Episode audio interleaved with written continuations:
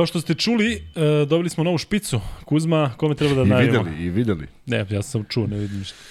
Zahvalimo se Ivanu, našem drugu, koji se malo potrudio i napravio ovu animaciju i to će biti logo koji ćemo koristiti na uh, stvarima koje ćemo pravi- praviti za prodaju.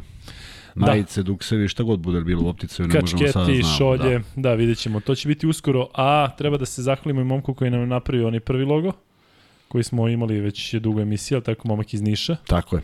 Da, dakle, Nenad Stanković, radi bih da se. da. da se što smo, što smo ga prekrstili iz Novog Sada. Pa pisalo ovaj... Graphics NS, pa smo računali da je iz Novog Sada. Da se ne ljutiš, ali ovo je nekako bolje za taj merch kako bi rekli, ovaj, tako da hvala ti i to čuvamo, naravno, nije, nije, nije bačeno u recycle bin.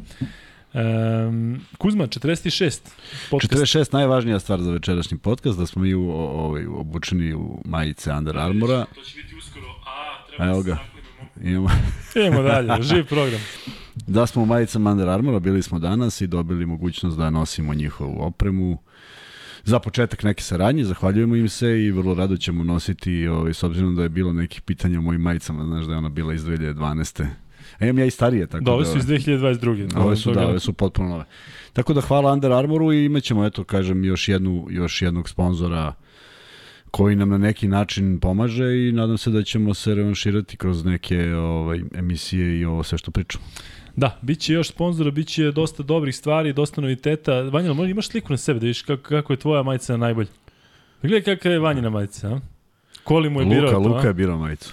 Jes, priznajem, ali ovaj... A ove mi smo birali Ove kad naše je su nestalo struje. košarkaške, da. da, išli smo na dodir. A, ove naše su košarkaške, a Vanjina je onako baš fancy, može i za, za grad da se ide. Ovo ne možemo I moje su, moje su u bojama našeg loga. Ali ti si u tim bojama, inače s tim standardnim bojama čelik, svojim, da. Ne Čelik znaš, Zenica. ne znam da li Prodigy ili šta je. Dobro, e, drugari, e, jako deluje da je onako mrtva sezona, nije, e, svašta se dešava i pričat ćemo o tome. Pitanje vidite da ostavite za taj deo kada ćemo pričati. E, puno vam hvala na sjajnu gledanost i mm, Kuzma, dakle, Još uvek put, se gledaju, tako je, još uvek idu, idu brojevi na gore i vidim i komentare. I stvarno kad ih nađem odgovorim, nisam bio tu par dana pa je internet manje bio ovaj, u upotrebi, ali ovaj, odgovorio sam danas svim ljudima koji su pisali, zahvaljujem se za, za lepe komentare, zahvaljujem se za kritike o, i stvarno se trudimo da, da pričamo onako kako što, kao što mislimo i vidimo da ljudi to prepoznaju i vidimo da je bilo opet interesovanje za, za podcast kad počinje, tako da a, bio je danas jedan veliki dan, Novak Đoković je došao u Beograd posle osvojenog sedmog trofeja, četvrtog uzastopnog, tako da su pre nas bile kolege iz Višengova i, i sačekali smo da oni završe i nekako optimalno opet vreme ono naše. Da, e, sve ovo priprema za sve ono što sleduje, dakle imat ćemo kratku pauzu kada ćete gledati naše goste i kada će Maj Kuzma da odmorimo samo nekoliko nedelja, a onda pravimo dakle ludilo pred evropsko prvenstvo i tada ćemo se družiti češće, još moramo da utanačimo kako, kad, šta će sve tu biti, ali jedno čekamo evropsko prvenstvo koje je takva, takva pomama bila posle ovih mečeva sa Belgijom i sa, sa Letonijom, da. dakle ljudi, e, znaš šta, stvarno ovo što Đo, Đoković radi je fantastično, ne može da se opiše rečima i već tek ćemo jednog dana shvatiti šta je uradio. Ali nekako mislim da će ipak košarka i futbol ovde biti sportovi broj 1 i sportovi, Pa sportovi je, oni jesu u, krajnjem slučaju negde je futbal izgubio tu neku a, lepotu. A, naše vreme je bilo na svakom na svakoj u, ulici se, igra, se igrao futbal i zaista je bilo nešto što je ovaj davalo neku snagu ljudima i svi su igrali futbal i bilo je uopšte neverovatno da se negde ne, ne igra. To je bilo uh, uh, zaista nešto nezamislivo u Beogradu, verujem i po manjim mestima, naročito, s obzirom da drugih sportova nije bilo. I futbal jeste negde sastavni deo našeg života, ali faktički sve ono što smo radili u košarci je jedini kolektivni sport u kojem smo to radili kroz istoriju sa manjim ili većim prekidima zbog smene generacije ili nečeg drugog, ali nekako i nismo uspeli da izbacimo košarku na nivo a, nacionalnog sporta, što je vrlo interesantno. E, razumem zašto je to u Waterpolu, zato što je malo zemalja uključenih, iako smo tu zaista neprikosnoveni, ja se dijem onim momcima, s obzirom da smatram da to je jedan od najtežih sportova, apsolutno, I, i, i imao sam druga koji je branio i kaže da su to bili nezamislivi treninzi, mi ne možemo poredimo uopšte koliko su trenirali, ali nismo, nismo, nismo podigli na nacionalni s obzirom da ipak određeni uslovi postoje za treniranje vaterpola, a to je postojanje bazena i tople vode. Futbol je bio na svakoj livadi, na svakoj ulici, između baciš majicu, staviš kamen, tako da a, odrasli smo u futbal. I svi košarkaši generalno stari, kad kažem stari, neka moja generacija i malo mlađi su da igraju futbol podjednako dobro. Da, ali sećaš se nekada ono, toga više nema, kažeš idem napolje i onda ne znaš šta će ti sačka napolje, da li je bicikl, da li se igra da, da, rata, da, da li je da, košarka, šta futbol. god, tako, nešto dešava. Sećaš se da li je bilo to u tvoje vreme, ali koje god da je aktualan tad sport, mi smo to rukomet igrali. Tako je, dakle, rukomet nismo, rukomet nismo. Mi smo rukomet, niko, nitko zna pravila, sad mi se dižemo onako na iz dvokoraka se dižemo da šutiramo, ali znaš, odbojku smo igrali na, na Gelenderu kada je odbojka aktualna. Um, I milioni onih igri, igričica bilo, se će se kocke, 1, 2, 3, nešto. Stalno smo na polju bili, stalno Boba Živinić, Boba Živinić napravi neki rezultat, mi izdjemo sa te, te, te onim reketima za badminton i uzmemo o, o, tenisku loptu i posle 14 udaraca popuca sve. Ali odemo veseli što smo igrali tenis, mislim. Da, da. Um, Kuzma, vreme je da počnemo da pričamo o ovim stvarima koje su Ajde, gledam nešto šta su bila neka posljednja pitanja koje sam, koje sam danas ukačio, pa ću, običao sam da ću odgovoriti. Ajde, dok ti to tražiš. Da, ti priča e, nešto. Dakle, još jednom vidite da, da ostavite pitanja za ovaj deo. Prvo ćemo pričati o Zvezdi, zato što se više stvari dešava aktualnih e, u, u Zvezdi. Posle ćemo pričati o Egzumu, pre svega i ovoga što se dešava u Partizanu. Uh, u svakom slučaju, zagrevamo se za reprezentaciju, čekamo da se nešto desi u smislu da da neko potvrdi, da vidimo kada će biti te pripreme, kada će da se okupe, dakle da imamo neki konkretan datum. Um, U svakom slučaju ima da se priča u NBA-u, s tim što u NBA-u, Vanja, koliko znam, nema ništa sada ekstremno novo, osim tih nekih sitnih prelazaka, vidio sam Galinari i tako neke najave. Ne znam šta je ono izašlo, šta je izašlo sada, nešto kao NBA liga će ne znam šta da uradi sa turnirom, nisam ni, ni pročito kako treba. Si vidio možda to? Na Bličeru izašlo mm, baš kad sam ulazio ovdje. Za play-in? E, pa ne znam da je play-in. E, se neki... Ja sam za to pročito i da će ostati i ono do daljneg, neće to da, menjati sigurno. To znam, ali ako posle budeš video, uh, ako posle budeš video, ako posle možeš da nađeš da je uh, nešto bilo, da li u vezi, vezi turnira, ovog, nemam pojma, možda da povežu Martovsko ludilo sa tim nekako bolje, moguće da ja nisam dobro video, smo se spremali za ovo. Kuzme, si našao to? Da, da našao sam dalje? samo jednu, da, našao sam samo jednu ovaj, opasku koja ima veze za, za prezentacijom, a pričali smo, posljednja tri podcasta smo posvetili reprezentaciji i jedan od komentara je bio uh, da, da li mislim i da li su nacionalne penzije za košarkaše male. E sad, ja tu imam jedan poseban stav uh, zašto sam bio direktno direktno učesnik toga svega. I došao sam do jednog zaključka zato što uh, nacionalne penzije mislim da je izmislio uh, Voja Brajović dok je bio ministar kulture. Naime, potpuno se slažem s tim da je strašno videti da je Čkalja uh, jako teško živeo pred, pred kraj života i to su neke apsolutno nedopustive stvari. I mislim da se tu pokrenulo unutar pre svega glumaca jer, jer je zaista bilo jako teško preživljavati u određenim uslovima, mali broj njih je živeo, da se napravi taj, taj termin. Međutim, e, kako je sve to išlo sa jednom dobrom idejom, tako se do košarke došlo i do sporta došlo da nacionalnu penziju ima osvajač medalje, što je naravno za svaku pohvalu u smislu napravio si neki rezultat, nego je paradoks što ipak su to ljudi koji su apsolutno svi do jednog ostvareni finansijski. I onda se desi da neki koji je plejada igrača koji su bili od 13. do 24. mesta faktički u tom celom sistemu ne postoje. I onda se stvori problem što ćeš ti ipak pokriti tih 12, što je potpuno normalno, ali ogroman broj onih koji su u većem problemu, baš kao što je to bio jedna jedna glumačka legenda Čkalja, ostanu, mogu da budu u ozbiljnom problemu pod stare dane. Dakle, te, mnogo im je teže da osmisle e, život. I onda e, moj, stav bio da je to moralo da se uraditi na neki drugi način da bi, da bi malo šira Uh, malo veći broj ljudi, malo šira, širi uče, sloj učesnika, jer vidi sad ovaj paradoks. Nevezano za košarkaše, Muta Nikolić je osvojio sve moguće medalje sa svim selektorima kao pomoćni. On nema nacionalnu penziju, jer je pomoćni trener ima pet medalja, ja mislim. Pa čak i sa klincima ima A tako ide, dakle 12 plus 1, jel? Pomoćni da, trener da, da, nema, da, da. Znači, trener ima. Trener ima. I sad, to je malo, kako bih rekao, ti si proveo godine i godine u tom sistemu, igrači neki koji su igrali ili bili 12. 13. pa ispadali, prosto ne postoje. A izvini, kako se, jel znaš po ciframa kako se to meri? Ja sam zaista. Ima nešto zlatna medalja olimpijska, nešto zlatna ova, nešto zlatna pa, sad ona. sad imaš pet medalja zlatnih, ne, ne, ne, ne, nešto... jedna, ne, ne, ne, jedna, jedna, jedna najveća, toliko nema košta. Nema, nema, nema sabiranja, ne možda osvojiš 15 pa kao 15 puta Ali nešto. Ali drugačija zlatna medalja na mediteranskim igrama i jeste, na jeste, olimpijskim jeste, igrama. Jeste, one se kategorišu, da.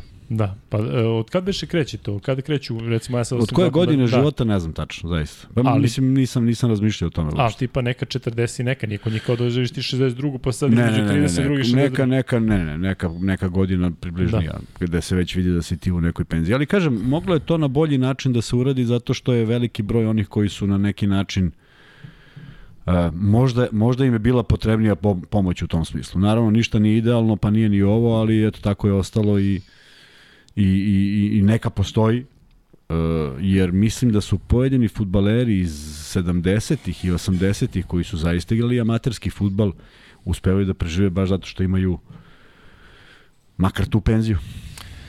Kuzma, ajde da pitaju ljudi gde je Ultra. Da i posluži se Kuzma ovaj, da stavimo Hoću, hoću samo popijem o, nešto imam. Imaš čaj.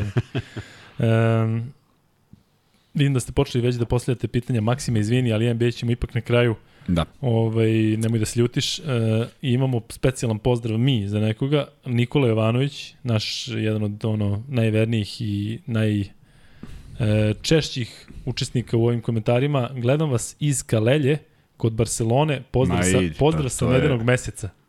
Pa, pa naravno. Nikola. Pa logično. Da imamo neke one želje, tipa da ti pustimo neku pesmu ili tako nešto. Pusti će Kuzma sad na telefonu, njemu stalo telefon nešto, nešto da E, ajmo Kuzmo Zvezde. Jovanović, Vlada Jovanović trener. Vlada Jovanović trener, saopšteno na Skupštini Crvene zvezde u petak. Uh, jedan momak koji je odradio prilično dobru, dobri, dobre, dobre sezone u FMP-u. Preuzeo Cibonu. Tamo mi se stvarno dopalo kako radi, jer je to bilo jedna, jedna uzlazna putanja, jedan uh, dobar rad, jedna ekipa koja je njemu apsolutno odgovarala. Znaš, jako je teško da mlad trener uleti sa nekim velikim zvezdama u ekipi, teško se, teško se snađe, možda ga, možda ga proguta. I ovde nije imao problem, Čak je došao u sukob sa Markotom, jel tako beše, pa je Markota na kraju nas pustio, što je negde ozbiljan pokazatelj da su, da su imali poverenje u njega.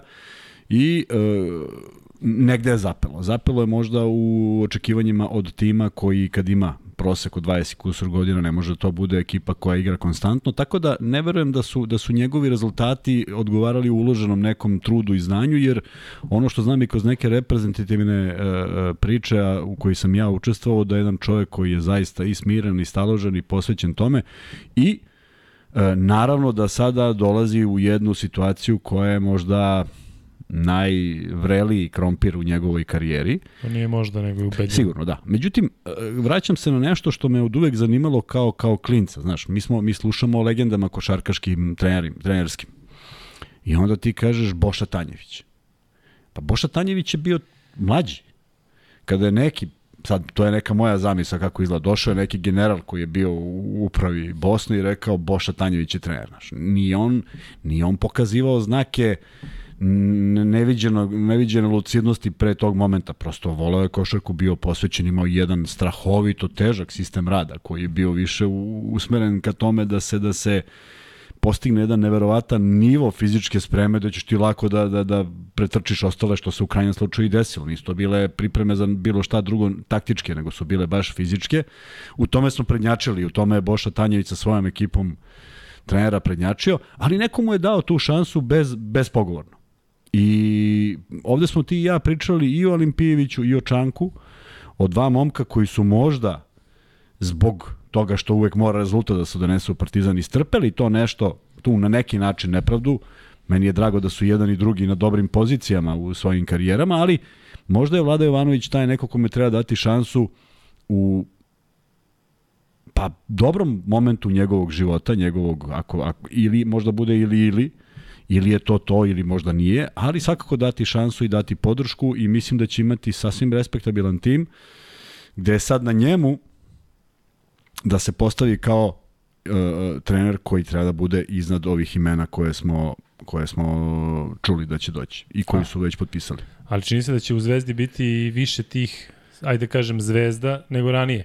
Ako vidimo Tako ko se deluje, pominje Hasan ko... Mar, da. Pričat ćemo Hasan- Hasanu Martinu posebno, ali da li to može da bude problem Kao što si počeo, ti Pa si može. počeo pričati Vladi Ivanoviću, dakle da treba sada među zvezde da dođe i da se nametne. Dakle, već imaš sada neki njegov zadatak koji nema veze sa košarkom. Ali on je Hasanu Martinu koji je koji ako smo pričali o NBA igračima, ja kad je njima trener Svetinja, pa Igor Kokoško Svetinja NBA, može da bude i Vlada Jovanović Svetinja u, u Beogradu. Nije to problem. Samo, samo je poenta, pitanje čime se nameće. Ja mislim da je on vrlo smiren, da nije čovjek koji psuje, koji je vulgaran, uopšte ne deluje kao neko koji, ko se nervira. Dakle, mislim Pa to, da je posjeduje... to dobro za ovaj posao ili loš? Mislim, mislim da je dobro ako, ako, ako, ako znanjem pokažeš. Ti ako nacrtaš jednu akciju i do, u prvoj utakmici, trening utakmici Hasanu Martinu i on iz te akcije vidi da si ti pokazao nešto što je fenomenalno i on zakucao jer je bio sam i konstatuje da je to dobra stvar, automatski veruje. Dakle, nije, nije halabuka uvek i nešto dobro. A, naravno, ja sad pričam o nekim iz nekog ugla kako sam ja doživljavao trenere, to se sad sigurno i promenilo. Međutim, ne verujem da Hasana Martina zanima da li na klupi Sferopulos ili Vlada Jovanović ili Bog Otac, jednostavno on dolazi da igra i oni, oni faktički funkcionišu po onom principu koliko, koliko ti meni, toliko ja tebi uslovno rečeno. Dakle, što ima više minuta i slobodu u igri, on će to vratiti, jer mi deluje da je igrač koji nije izašao samo da bi igrao za sebe, nego jednostavno mi deluje kao timski igrač i može da bude zaista nešto, ne, jedna karika koja je Zvezdi nedostajala. Naravno na Vladi Jovanoviću je, ali tu se tu dolazi i do čoveka, mislim možeš da odbiješ ponudu i kažeš nisam ja za to ili nije moment. Mislim da mu je da mu je ovo dobar moment posle svega što je urađeno, zato što a, s, novi tim, novi stručni štab koji je za moj ukus premlad na neki način, pre, ne mogu kažem premlad, pre neiskusan što se trenerskog posla tiče. Razumeo sam da su tu Jorović i Simonović, što je s jednog aspekta divna stvar angažovati bivše igrače, ali možda je to malo rano za, za, za ovaj nivo košarke. U ostalom vidjet ćemo, jer uh, vrlo je bitno vrlo je bitno, ja mislim da je Željko Obradoviću bilo strahovito bitno što ima jednog čovjeka kao što je i Tudis. Pa si ne, nekoliko sezona gledao kako se kreću u, u, u istom, je on iza njega i preko ramena u istom ritmu se kreću da bi mu rekao ta, šta je to što on ne vidi. Ne može trener da vidi sve. Znači, vrlo je bitno da reakcija klupe, reakcija tog prvog pomoćnog bude pravovremena. E, to se nešto stiče iskustvom. To je zanat. Taj, taj pomoćni trener je, je, je zanatski posao. Vidjet ćemo kako se snaći. Ja podržavam to kada vidim neke bivše igrače. Ne znam koliko ja imaju afiniteta za to, to stvarno ne mogu da osetim dok igraju kao što su me neki moji savremenici iznenadili, neki na neki način razočarali u smislu očekivao sam više, tako da sve je to na neki način m, dobra priča, ali ali za za Euroligu možda malo nekog više iskustva iz tog iz tog iz senke, neko ko će reći nešto što nikom u tom trenutku ne pada na pamet na osnovu bilo kakvog iskustva. I to je vrlo bitno da može, može Simonović da bude taj igrač koji će nešto da, da izbaci iz, iz, iz svog repertoara višegodišnjeg igrač koji kaže da je to prava akcija pa da se stvarno i desi. Znači, zaista mislim da postoji, a deluje mi da su dobra da je dobra atmosfera, da će to da to je nešto što stručni štab što je vrlo važno za stručni štab i ako u tome uspeju e, da naprave jednu takvu atmosferu, bit će to sasvim okej.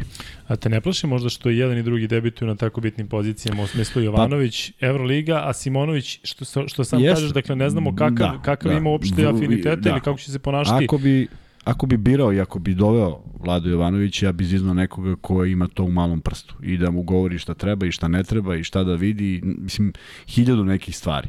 Ne kažem, ali, ali zaista je jako teško iz, iz patika preći u trenerske vode. U toliko kratkom periodu. Dakle, on nije sad prošlo u neko... Sad smo gledali, pa Tako je, u neko naše vreme kad se završi sezona u, u maju, pa onda počne druga sezona, pa to je oktobar. Pa si možda imao nekih šest meseci, ovo je bukvalno šest dana od, od završetka karijere do...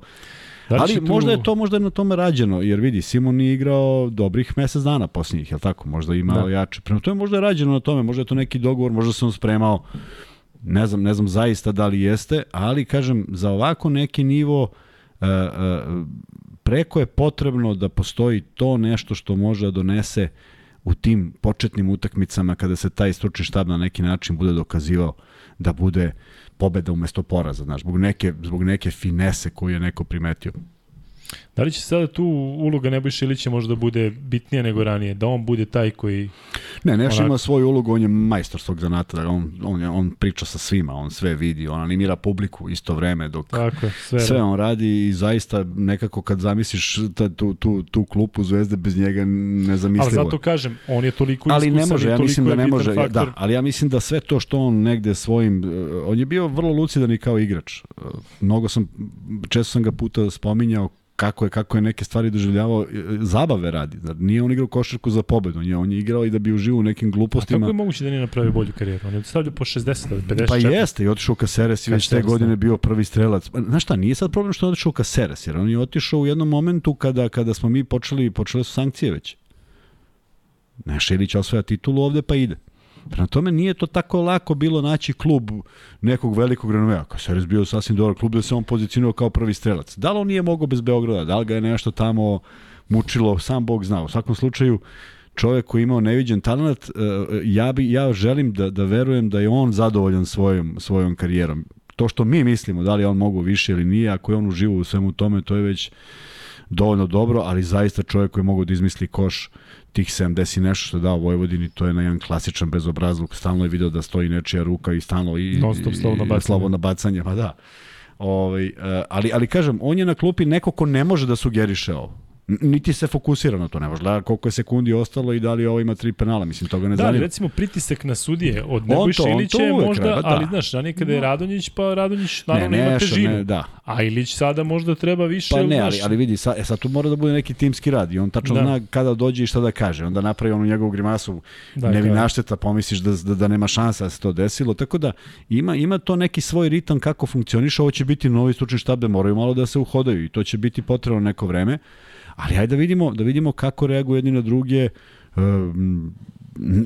Nije se dešavalo baš da neko ne napusti u prošlosti, znaš, vidi neko da, da, nije, ne, da mu ne ide, da se ne snalazi, da su to preveliki zahtevi, tako da vola bi da uspeju, ali da to bude zaista nešto konkretno, da već ti na prvoj trening utakmici vidiš doprinos svih njih, ne da neko sedi da bi sedeo, mislim, može onda bilo ko, ali to mora da bude ozbiljan rad posvećen i da se tačno zna E, e, ne tačno se zna šta, šta ko radi, nego da, da, da, da reaguješ u pravom trenutku ako vidiš nešto na semaforu. Da, a reci mi, e, sada da se vratimo na Hasana Martina. E, prvo, mene raduje što mislim da nikada ranije se nije dešavalo da mi dovodimo tako pojačanja velika, kada kažem mi, mislim i na Zvezdu i na Partizan, da govorimo o srpskim klubima.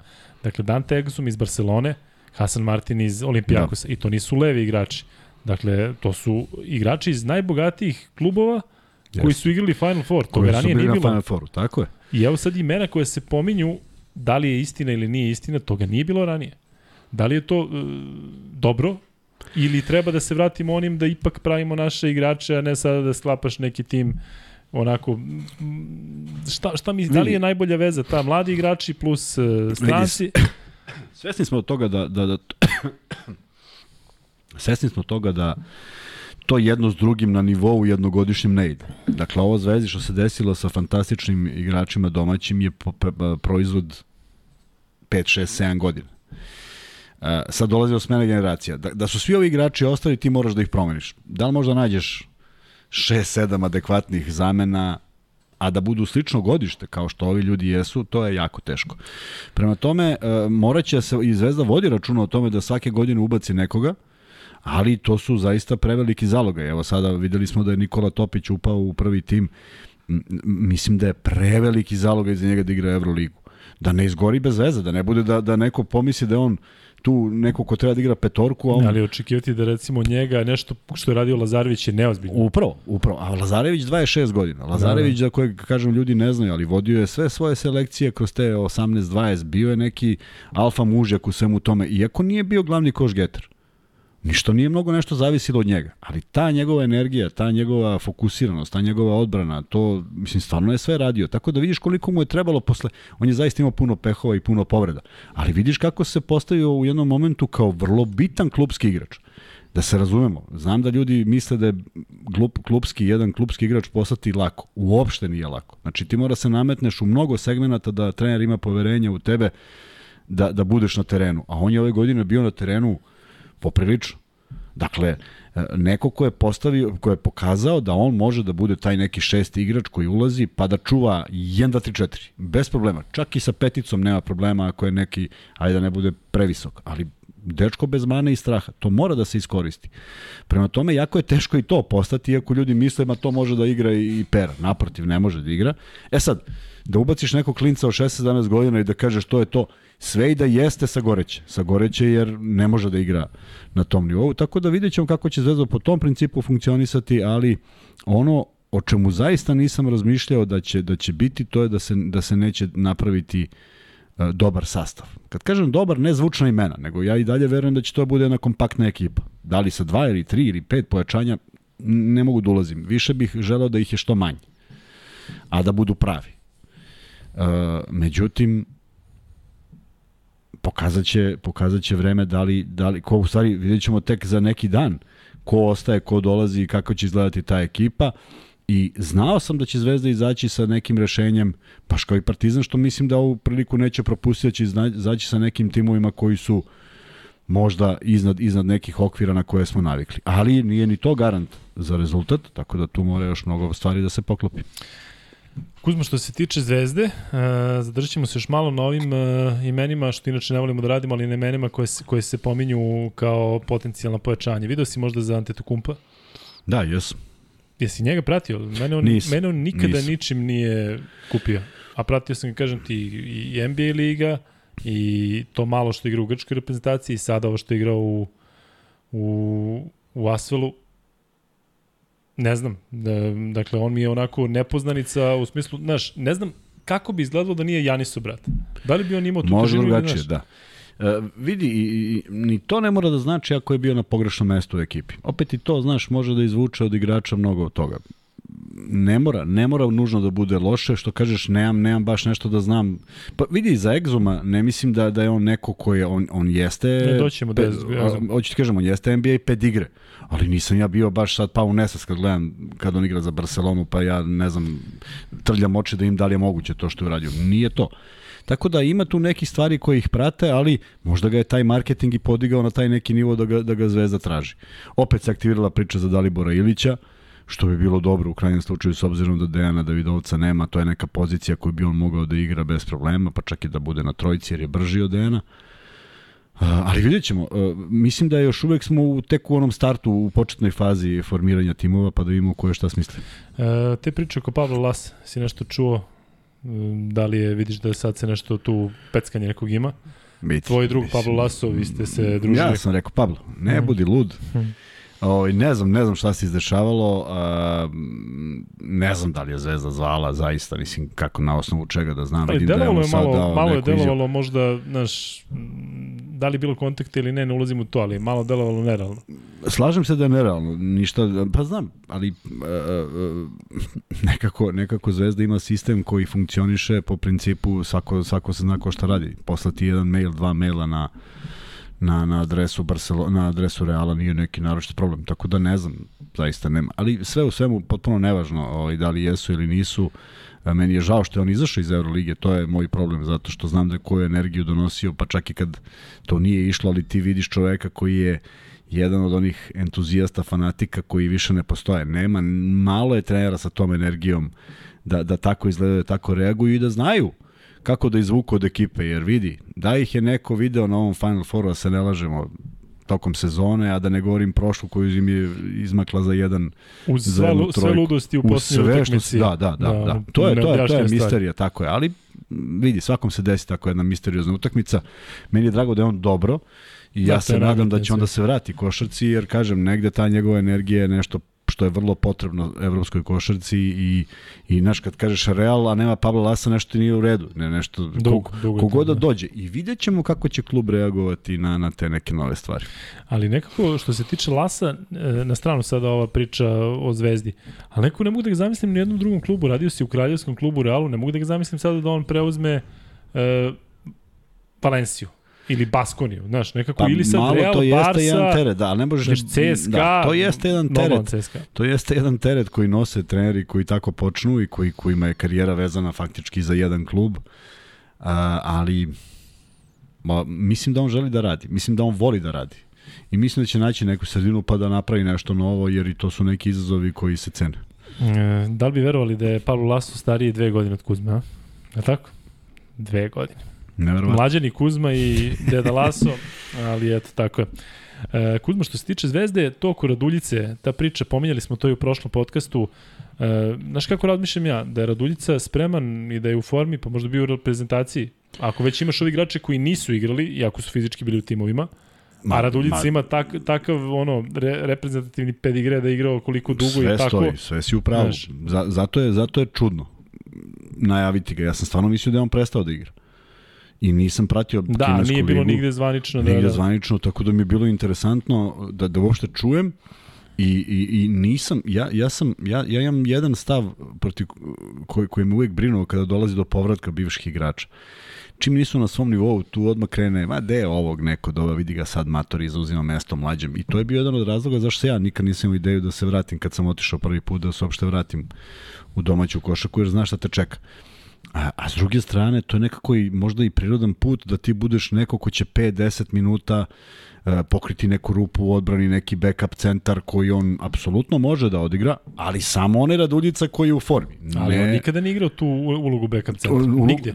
Slažem se, ali dolazi moment u karijeri kada moraš se prešaltaš. Ja, ja na primjer, sam strašno želeo da igram backup igrača. I nikad nisam. Do, do, do kraja karijere sam ja vuko na terenu. A, a strašno da sam kaže žele. da je non stop bio lider. Pa ne, ne, nisam bio lider. Igrao sam i u budućnosti gde nisam bio lider, ali sam prosto A si bio negde da nisi bio u petorci? Da nisam bio u petorci? Da, da tokom ne. cele sezone nisi bio u petorci? Ne, pa ne može. U Zvezdi? Pa bio sam, mislim, ja sam, mojih prvi 20 utakmica su bile genijalne. Ali si sve vreme bio u petorci? Kad se smenjali trener, ste neko stavio Ne, klop? ne, onda, onda je dolazilo do, tu smo se svi Gore pogubili, da, tu se pogubilo ko pije, ko plaće, to više niko nije znao šta se dešava, tako da smo svi negde stradali igrački u tom segmentu. Ja sam gledao, ja sam gledao ne samo svoje učinke kroz utakmice, nego i svojih saigrača. To je išlo gore dole. Daš 28 pa četiri utakmice po četiri. Niko ne zna zašto, jer samo nešto se promenilo na terenu, a nemamo, nemamo, nismo imali sistem igre na koji smo navikli. Ipak smo mi u Beobanci i u Beočinu imali sistem na kojem smo, po kojem smo funkcionisali. Ali kažem ti, zaista sam otišao u tu Rumuniju i rekao, e, sad ću se odmorim jednom u životu, ma kak, igrao sam po 35 minuta. Tako da, dođe moment kada centar može da da svoj doprinos u 10, 12, 15 minuta kvalitetnih, samo ako je spreman. E, Greg Monroe u Zvezdi, sada govorimo o ome, to, o tome se pričalo i ranije, pa kao nije došao zbog Radonjića. Greg Monroe meni delo kao dobar igrač od koga možda očekuješ e, ono što smo pričali, 10 skokova, 8 ili 12 poena, da nekada odskoči, ne delo mi kao previše inteligentan i delo mi onako kao ponekada u situacijama da se ponaša kao drvo, ali taj tip nekog baš NBA centra, ti delo je da, je, da bi Misliš da bi se neko tako navikao u Zvezdi? Dođe iz NBA ligi da već ima neku evroligašku karijeru pa dođe ili si za onu varijantu da vidimo ko je na draftu loše prošao ili da... Ja bi ali... to za duže staze. Da. Ali nije, slažem se, nije, nije, nije sigurica, nije nešto što da. ćeš dobiti i znaš šta ćeš dobiti. Možda dobiješ svašta, možda ne dobiješ ništa. Je bio izvesni Dominik Arči. Jesi ti čuo nekad za njega? Ne. Ne vezi. Bio ne, imao sam psa Arči. To, e, pa, pa na njega i mislim. To, Dominik. I Dominik Arči je igrao nešto po NCAA tamo i nešto zapisao par poenova u razvojnoj ligi i imao je povredu kolena. I on je došao u Rumuniju. I on se tamo preporodio. E, to je bio, dakle, pun pogodak e, čoveka koji je, koji je tražio svoju šansu. I on je odigrao tri sezone u Rumuniji nestvarno Mislim, sad nekom kao, e, u Rumuniji. Nema veze. Čovek je vratio se u život. Ali hoću kažem, nije, nije svaki put tako. Nećeš pogoditi sa svim. Tako da negde se poklopi, negde se ne poklopi, neko negde dobije odrešene ruke da poštuje igru i da poštuje saigreče, da radi sve ono što mu trener dozvoli, neko to ne može da ukapira pa igra svoju igru, što opet nije dobro, ali vidjet ćemo, još uvek je rano da pričamo o nekim sastavima i očekivanjima, ali vidim da je dosta, dosta tu informacija i uh, moram da se vratim na Nedovića iz prošlog podcasta što smo pričali samo ako može da preuzme, ne samo, nego ako preuzme ulogu sa većom odgovornošću e, i da bude neki novi Kalinić, pošto to je, tad smo još pričali da Kalinić nije, nije otišao, sad definitivno jeste. Pa je li definitivno? Jeste, jeste, pa da. Pi, da, 100%, pisalo, da. da. I, i, I onda je, on, onda je on neko ko treba da napravi tu zamenu. Ja mislim da on potencijal ima, od uvek je imao samo neke zdrav i samo neka još bude uh, a, a, desna ruka trenera. To, to, to on mora da pre, prezupči nekako u glavi, da bude mnogo odgovorniji, ne da ga zanima da li će da 22 ili 28, nego da se, da se utakmica privede kraju. Tako da, to bi bila idealna zamena za Kalinića ako je Nedović u stanju to da uradi. E, vidimo ovde da ljudi pominju ponovo Naneli, a Naneli malo, malo pa se pomenje. Meni se dopada ta ideja da za imaš... Za Partizan ili za Zvezdu? Za Zvezdu. Da... Ja sam dobio sigurnu dojavu. Da, šta? Čekaj samo da nađem. Ajde, dok ti nađeš. Uh, ajde ja da mu odgovorim malo. Max Bet preneo da je Greg Monroe blizu zvezdi. Pazi, Max Bet. Pa nego ko će drugi? Kad se Darko Plavšić vrati iz Amerike, zavonite ga u goste. Uh, I onda neki komentari Darka Plavšića ranije. Uh, kako niste doveli Kaliparija, a ne ona dva klipana? Uh, pa, hoću ti kažem zašto? Ajde, pa znam ja zašto. Ne, pa vidite da se ovo naše bazira na, na našoj priči, a što se tiče gostiju, mi gledamo da, da znate i sami kako ti ide. Šta kaže? Ali nešto kaže ovako, evo jedna ekskluziva, kaže Stefan Todorović. Evo jedna ekskluziva. Nanali potpisuje za Partizan večeras ili sutra. Jel nije onaj Radonjin uvijek više u razlice? Mislim da, da nije. Samo proveri Mislim da, da nije. Um, ajde da pričamo samo o Naneliju za koga god da potpiše. E, dobro da imaš igrača koji znaš da, da može da pogodi tri trojke i kada je sam i kada, kada nismo imali takvog stranca ni u Zvezdi ni u Partizanu da ti je pouzdan ove sezone. Dakle, niko nije bio pouzdan. Sveće da je Hollins oscilirao. Pouzdan šuter.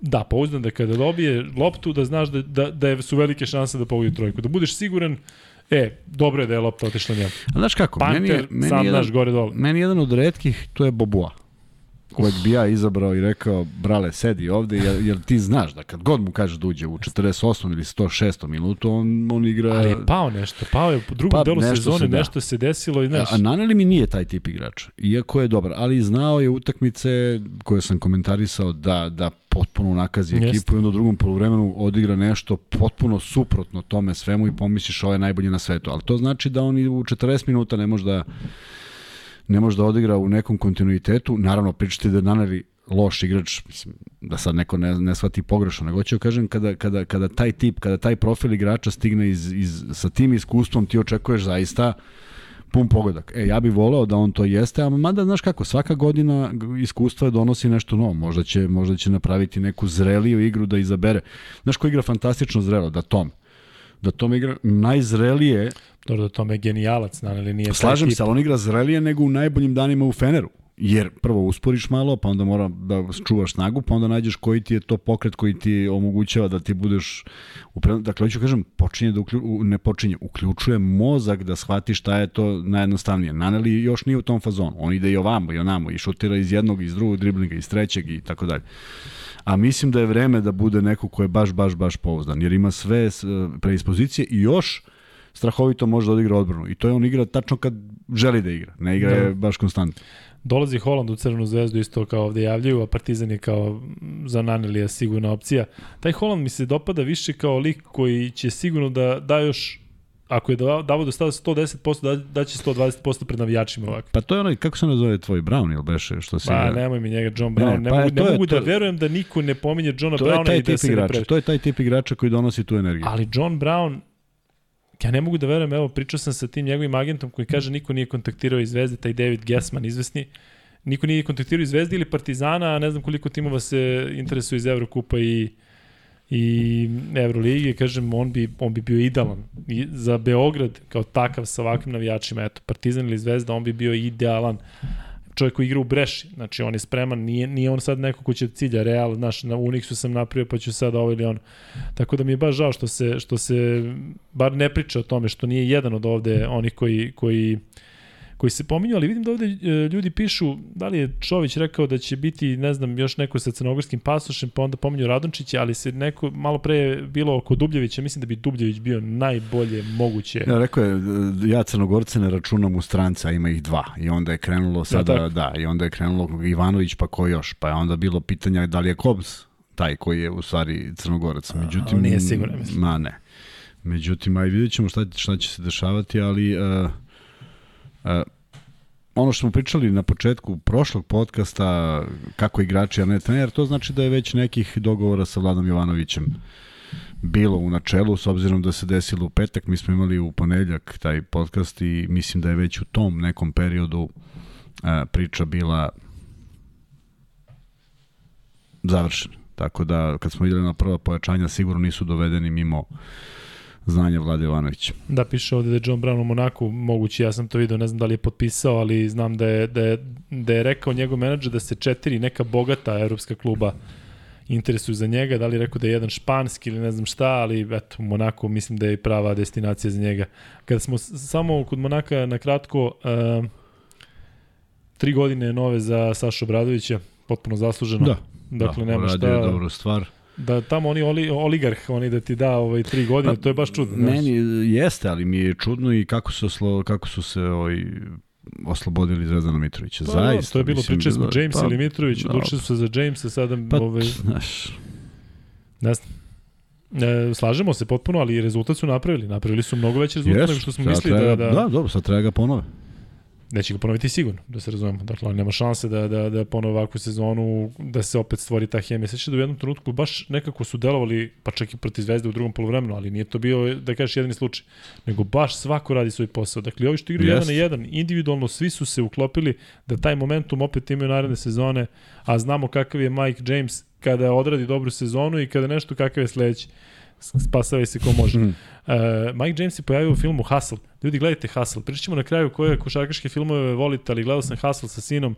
Zaspali smo, nismo izdržali prvo, prvo večer, pa smo gledali opet. Uh, Vanja, ti gledao Hustle? Gledajte Hustle, ljudi, šta vam je? Znaš ko se pojavljuje? Nego ti objasnim ko se Bobi Marjanović. Bobi Marjanović, naravno. Znaš, zna, ali znaš kako su nas pljunuli u tom filmu?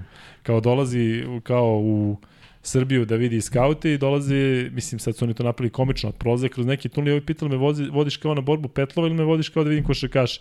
I onda ulaze, a Bobi Marjanović nosi dres hemofarm. Pa genijal. Ali pazi, hemofarm, kao trenira hemofarm. I sad on tu kao vodimo NBA i onda se kao sprdaju i kaže imam 22 godina, on ima 50, mislim izgleda. I kao dolazim u sin koji ima 2,5 metra, kao koliko sin ima, kaže on ima 10. I onda vi kao predseta Jovanović, ali su nas napravili kao da se kod nas to radi, a znamo gde se radi, samo pa nisu smeli da naprave. Pa neću da gledam. To si ti pre dva minuta. Ali kažem ti da, na, da su napravili da se to radi u Africi, bilo bi, a vidiš kako ovo, a nas kao mogu po tamburi, tako da malo je to bez veze. Ali ispao, ispao je okej okay film, tako da ovaj, baš je onako dobar je ovaj Juancho, ja sam navijam za njega ovaj, gde god daje, vidim da je trenutno bez kluba, mogu bi onda dođe desno. Znaš ko je Juancho Hena Gomez? Ni blizu. Igra za špansku reprezentaciju, pamtiš Ja sam razmišljao o filmovima, da je prvi film koji sam ja gledao vezan za košarku bio Riba koja je spasla Pittsburgh. ne, nek napiše neko ako zna koji je taj film. Ne znate ko je Riba koja je spasla Pittsburgh. Ali iskreno, ne sada tražite na IMDb, nego ovi Kuzmini filmovi. Danas koji si mi rekao yeah. danas film, ono, čovjek koji je psa, Svi da se ja koji su gledali čovjek koji Čovjek koji je sad 92. pa 10. Pa to je... Koje godine si rođen ti? A neću više raditi moj podcast. Koje? 97. 5 godina pre, pre nego što se Vanja rodio napravljen film. Imamo ove nove filmove, 2022. i ostalo. Da, Transformers i 17, to je najbolje. To, e... Thor, ne, najbolje je Thor koji se zaljubio, pa to je genijalno. Ne? Pa ja mislim da nema boljeg zapleta. Je... Ja, je, ali gledao sam, gledao sam, uh, počeo sam gledati neku seriju Ne znam zašto. Da, još nema objašnjenja da li mi je ostao upamljen da ne. Američku, zove se Čaki. Znaš je Čaki ubica, onaj lutka koji da. ubija Čaki? E sad je to serija. A lik je taj kao neki koji je uzeo Čakija. Se smanjuje broj gledalaca. Ne, evo, povećava se. lik ima 13-14 godina i gej je. I sada kroz tu horror pa priču se i njegova gej priča, znači kažem ti, pa baš genial. su ga onako horror priče... Jel ima druga kineza, uh, ne, crnca? Ne, zaljubio se u crnca. Pa da, pa logično. Da. E, Politički korektno, ne veze što ubija ljude. Ćemo dobijemo neke strajkove za ovanje, a? Dobit ćemo... Pada, pada po tamburi, a? E, evo, znaš kako skače sad? Idemo, da dakle, čaki, sad ćemo pričamo o seriji, šta se dešava sad. Kuzma, da pređemo na Partizan. Ajde. E, Exum. Ne, ne znam da li iznenađenje ili nije. Ali izvini, ga znaš samo iz Barcelona? ga znaš da, ranije? ne znam ga od ranije. Opasan igrač. Pa, ne mogu da ti objasnim koliko je davao i Australiji i ovo malo što igra u NBA ligi dok se nije povredio. Juta, kažem ti, on nekako se giba čudno. Ja to gledam kažem samo kroz košarku evropsku. Ali u Barceloni je on došao i, i nevjerojatno igrač. Prvih nekoliko utakmica, sećamo, on je sabio nešto, ispada pa, mu lopta, pa sve. I onda se navikao i a očigledno da je što ono pričamo očigledno da, da postoji razlog zašto ga nisu ostavili tamo. Ima neki razlog, ali da. ajde da verujemo da postoji razlog čovjeka koji ga je prepoznao kao nekog od kog možda napravi nešto što želi. A iako on ima diskutabilan šut, to je jedino što, što mu je diskutabilno. Međutim, da, međutim kad, kad krene na ulaz, zaista uh, spasa i se ko može. Pitanje je da li će levo ili desno. Međutim, uh, uh, nije izbor baziran na tome što on igra u Barceloni, što se preziva tako što igra u NBA, nego su procenili da je to nešto od čega može se napravi neki model igrača koji treba da bude jedan od vođa ekipe. I defanzivno je vrlo korektan, znači ne beži od defanzivnih zadataka, prema tome svakako pojačanje. Što bi rekao, ako ćemo već kod toga ima ta čuvena mutina, ovaj, svi dovode pojačanje, samo ja oslabljenje. Tako da, nadam se da niko ove sezone neće dovesti oslabljenje.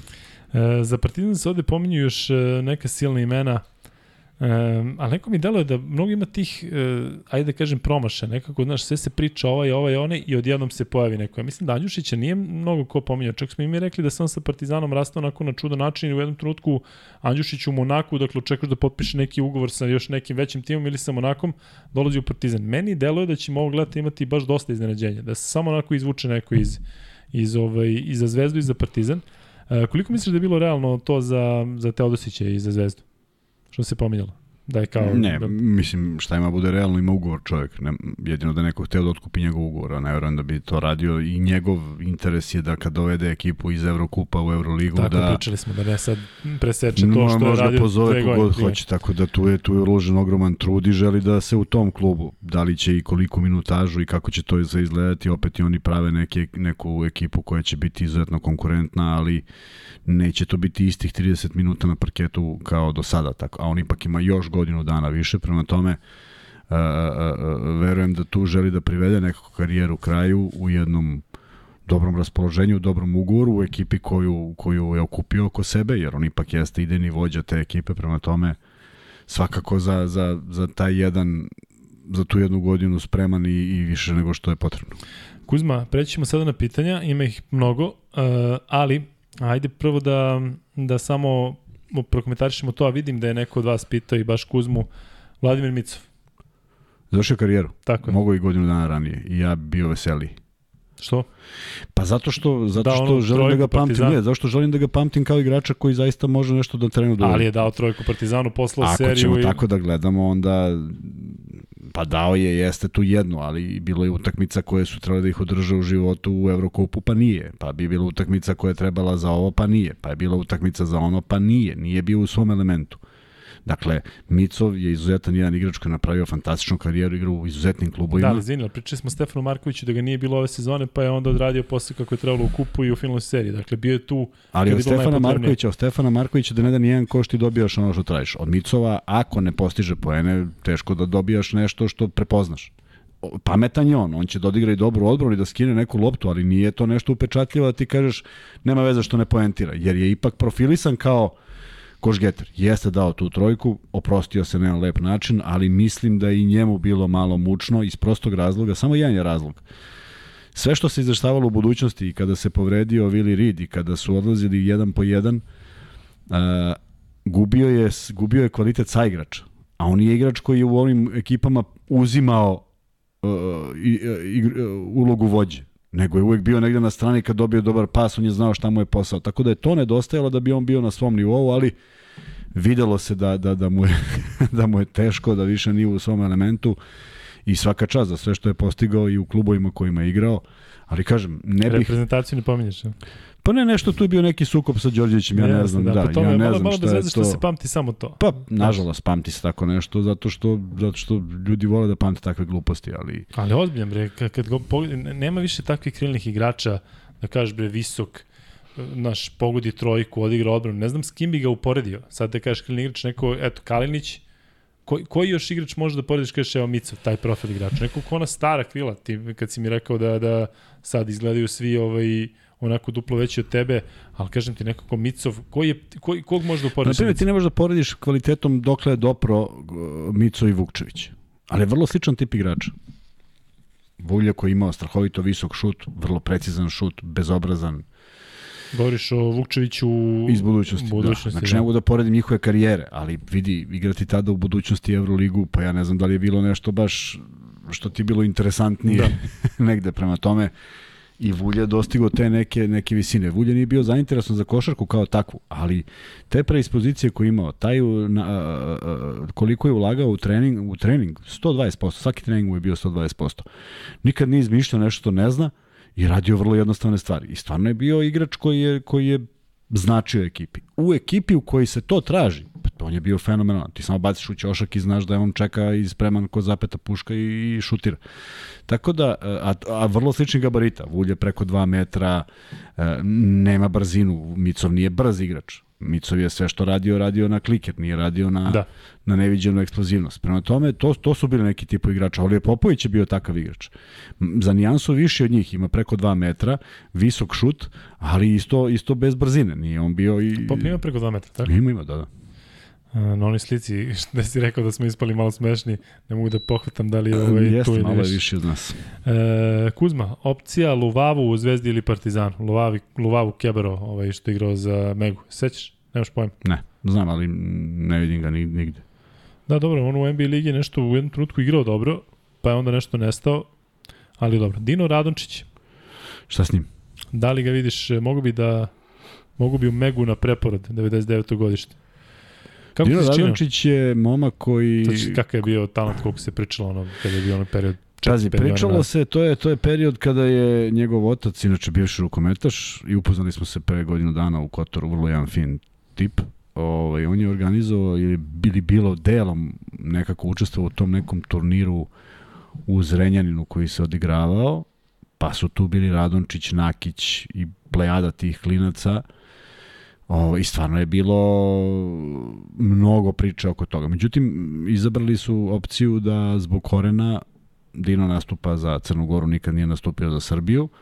I e, negde mislim da koliko je on klubski ipak, znaš kako, bio u Realu i sad svi očekuju da on nije lako ostati u Realu. Međutim, on igra sasvim dobro i u klubovima posle Reala, čak i u reprezentaciji je ostvario zapaženu ulogu. Uh, ali, ali kao neko ko bi trebalo da dođe da vodi igru, mislim da još treba da ostane neko vreme da bude, ovaj, jer ima 23 godine, znači neki njegov zenit, neke njegova iskustvo dolazi još godinu, dve, e onda bi moglo da se priča o tome. Mislim da mu je jako dobro bilo ove godine, a može da bude podjednako jer on faktički, ja mislim da igra kao domaći igrač zbog tih, tih momenta provedenih u tim, u Realu, steko je pravo valjda da igra kao domaći i mislim da mu je to mnogo bolja varijanta. E, znaš šta, iskreno ne pamtim nekog igrača koji je tako bio u Realu, pa je otišao, pa je napravio nešto. Znači sad evo govorimo o ovim naj... Rano je govoriti za Vukčevića, ali recimo Nakić i tako neki koji su se oni odrekli, maš ti, recimo, isto važi za Barcelonu, kada kažeš Peno, ovaj Erikson je fantastičan šuter, ali to su sve njihova deca, to su sve njihova ekipa i nisu ostali tu i sada odu Znaš kako, mnogi, znaš kako, mnogi igrači dožive to kao korak unazad, iako to meni nikad nije bilo jasno. Ja sam imao tu srećno okolnost da se upoznam sa Milanom Karagićem, kojeg stariji ljubitelji košake pamter, on, on je 70. godište i bio je junior Partizana, fantastično na mestu pleja. Ja sam ga upoznao 92. kad sam batalio košaku i odošao na Kipar, upoznajem ga na basketu, vidim da nema šansa da je Kipranin. I priđem i počnem da pričam i shvatim da je on. I tad je igrao jako dobro, u stvari šta imao samo 22 godine, mislim, ja sam imao 21, on 22. I radili smo zajedno u diskoteci, nije važno, nije se bavio više košarkom, ali ja sam ga pitao, pa šta se desilo? Pa, kaže, obećano je ovome, obećano ome, na kraju smo obojice izvisili sa mesta pleja. Ja kažem, čoveče, pošto nisi došao u OKH Beograd. Da, pričam. A on kaže, Eh, OKK Beograd. E tako da postoji ta, mogu, ta opcija da kad neko vidi sebe u realu pa se više ne vidi da on potone i da više ne može da, da se vrati na taj neki nivo, što govori o nekom karakteru koji nije, nije za košarku. Ne možeš da igraš ti tamo gde si ti zamislio da igraš, nego da te put Ali vodi. nema njih iz njihovih tih škola, osim Dončića, ne pamtim neko koji iz njihove škole krenuo pa je ostao kod njih. Evo sva ova deca koju smo gledali sada u na ovom turniru Adidasom možda jedan prođe, dvojica prođu da imaju neku ulogu. Evo, taj Garuba je prošao pa znamo da, da, da ništa, ali malo je onih, znaš, oni imaju recimo 20, 30 u svakoj generaciji pa imaju, imaju tih neki i oni okupe, a znaš kako, oni okupe sa idejom da okupe i onda kad da vide šta će tu da se desi. A svi odlaze sa idejom da je to to. Bilo i naših igrača. Mali Živanović je bio u Realu. Tako da bilo je tu, ali kažem, mnogo je to, nije to tako lako ovaj, da, da se prođe odatle, pogotovo što je jako uzak taj levak kada se približavaš prvom timu. Ne idu svi u Real, a gde idu ostali je sad da li je to nešto što može da prihvati. Da, Kuzma, uh, ajde samo kratko, to Kops u Zvezdi što ljudi stalno pominju, meni se to uopšte ne dopada. Tebi? Ne, ja, o, mislim, nije bilo govora, uopšte niko nije to spomenuo, sem jednog navijača koji je nagađao. Da, e, pitali su ljudi za Kajla Vilđera, meni se on jako dopada kao igrač, pamtim ga kao nekoga koji je uvijek tu da postigne trojku, ko pritom igra pametno, ima baš onako visok, dobar šut, visok je. E, sećam se da je za reprezentaciju Kanade na onim, e, na onom svetskom prvenstvu 2019. kada su oni nisu prošli u, u, u top 16, nisu prošli u tu drugu fazu, sećam se da je preuzeo onako baš ulogu lidera, tu je bio i Bilo je tu dosta tih NBA igrača, ali on se nekako nametno i to je ono što mi se sviđa, ali mislim da je ipak za njega Eurocup granica. Mislim da je prošle godine čak igrao, igrao Fibinu ligu šampiona. Recimo čak mi se John Holland čini da možda nije evroligaški igrač na stranu to što je on uh, u Unixu bio i što je imao i tamo neku ulogu. A nekako mi delo je da možda se previše očekuje sada od Hollanda zato što je odigrao dva dobra mesta za bursu. Pa znam, ali vidi, je li ti me Kisik evroligaški igrač? Ja o Mekisiku nemam visoko mišljenje. Pa, ali ti mi, znači nije ti on standardni evroligaški igra, on igra neke partije gde da 28 pa Nešto onda, su njega onda... vredizali u vazduh, čak Pa nema šut ovde u, u pioniru promašio tri Pa, bacanja. zato kažem, ne, samo ću ti kažem, diskutabilno je to da li, Da. je, da li je, da li potpada. Jednostavno nekom se otvori, pronađe mesto i igra na, na svo to ludilo koje ima. Malo je tu nekih kreativaca da kažeš, jao kako lepo igra raznovrsno. To je uglavnom nešto što što je već viđeno. Ali prosto naši su, naša se plejada igrača tu koja ne bih mogao da se zakunem da su kvalitetom pripadaju Euroligi i da nema boljih, ali prosto vidiš da se po nekim klubovima vrte manje više ista imena. E, da li je ovo isti studio kao Vision Go podcast? Jeste, Nije. potpuno isti, Našima, zato i... našima košarkaški Zato adresa. čekam. Op. Gde je Ultra? Pitaju. Gde vadi tu Ultra? Jao, evo, ultra.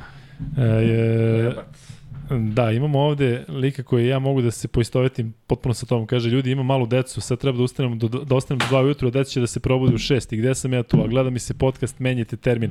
A onda imamo... Uh, Evo jedan koji kaže suprotno. Mi smo, da, imamo čovjek koji je rekao ekstra termin, taman uživam, tako da tražimo, tražimo neko rešenje, ali bolje da smo standardni ovako da znate kada da nas očekujete, pa ako možete da ostanete, ostanete. Idemo dalje sa pitanjima. Da li mislite da je Jovanović ideja za Kostasa ako jeste, da li će napredovati? Ako pogledamo nazad, Vlada imao mlade igrače u timovima koje je vodio. Koliko je Kostas mlad igrač, da možemo da ga smatramo mladim igračima, mislim da on već ima 23, 24 godine, i on, ni on klinac. više. Ne, ovo je veliki izazov, to smo rekli. Veliki izazov za njega prvi put da će biti sa igračima koji su, ajde da kažemo, zvezde. I treba tu naći pravu sredinu, pravu meru, treba da, da, da im priđe dovoljno dobro, a da ostane na nekoj distanci. Naravno, ne treba da glumi ludilo, jer to nikad nije prošlo. Ne treba da bude prijatelj sa igračima, jer to isto ne prolazi, ali treba da ima jedan respekt. I kažem, eh, američki igrači ipak imaju taj jedan, da kažem, za nijansu kvalitetniji odnos, zato što su učeni da im je trener trener. Ali ja mislim da to nije kad dođu u Evropu. Pa dobro, Onda samo je pitanje, bahate. pa dobro, samo je pitanje ko, opet zavisi od karaktera. Neko A ostane znaš i- zašto, izvini, zato što oni u, Americi imaju samo američke trenere i imaju pomoćnike kojima se zna gde je mesto, stoji. ali upravo si u Americi je trener, bog otac. Tako je, ali ako on najđe, da? ako on najđe na čoveka koji mu objašnjava sve to, isto, isto smireno kao onaj tamo, tamo je zabranjeno vikanje, nemaš ti je sad nešto kao se dereš i odramiš. Ako, je, ako se on uveri da je to to, onda ima respekt. Vrlo je prosto. Dakle, ja kad sam odlazio u Belgiju, brat mi je od tetke koji se bavio košarkom rekao, ako ih natržate poštuju, to je sav maksimum koji možeš da uradiš i to je nešto najbolje. I ja sam se stvarno u toj Belgiji osjećao kao čovek kojeg su poštovali američki igrači. Zato što sam donosio nešto što nisu viđali. Nisu viđali jer su ipak igrali... Znaš kako je to vrlo interesantno? Ja ih pogledam, njih petoricu i pomisliš kako izgledaju, šta mogu da urade. A oni u stvari rade samo ono što im je neko pokazao. I čim izađu iz okvira, čim pokažem nešto što smo mi radili na treninzima, oni kažu pa nama to niko nije pokazao, nama je to delovalo nemoguće, mi smo to vežbali sami, ali prosto oni su nekako naučeni da veruju tom nekome i, i zaista sam imao taj osjećaj poštovanja zato što ovaj, smo, sam donosio nešto novo i mislim da su svi makar 10% bili bolji ovaj, posle tih nekih vežbica i po, nekih stvari koje smo mi radili mnogo češće nego oni. Znaš šta, nekako u Americi stvarno postoji to neko poštovanje prema treneru i šta god da kaže, e, to je okej, ali opet upravo si kada hoće da bude igrač, kada, hoće da bude drug sa tobom, to zna da bude kontraproduktivno, posebno kada hoće da, da krene da se loži. Mi smo recimo na koleđu, ti na kraju godine imaš taj evaluation da ti sad napišeš o njemu šta Dobar hoćeš. drug, loš da, drug. I da odeš i da, da poka, i to se pokaže i kažem ti to posle, on, mi smo ga svi opljuvali Ostane zabeleženo. i on je dobio otkaz. I onda je došao Robert Thompson, izvesni, koji je isto bio, kažem ti, onako srdečan sa nama sve, ali su, smo imali pravila za koje sam ja mislio da nikada neće moći neko da mi nametne, a to je da frizure moraju da budu košarkaške, nema dredova, što je crncima teško palo. Ja sam imao neku dužu kosu kao da se skrati. Nema izvučenih dresova i majici kad dolaziš na trening iz šorca.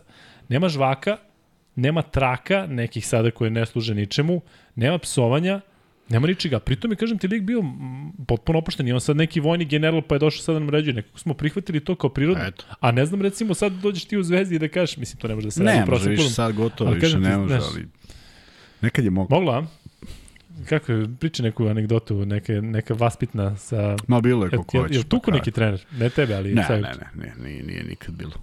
Ali prosto, Kod nas je bilo u mlađim kategorijama, pa prosto. se digla kuka i motika posle priprema, mi smo 12-13 godina. Bilo je drugačije, zaista. Da.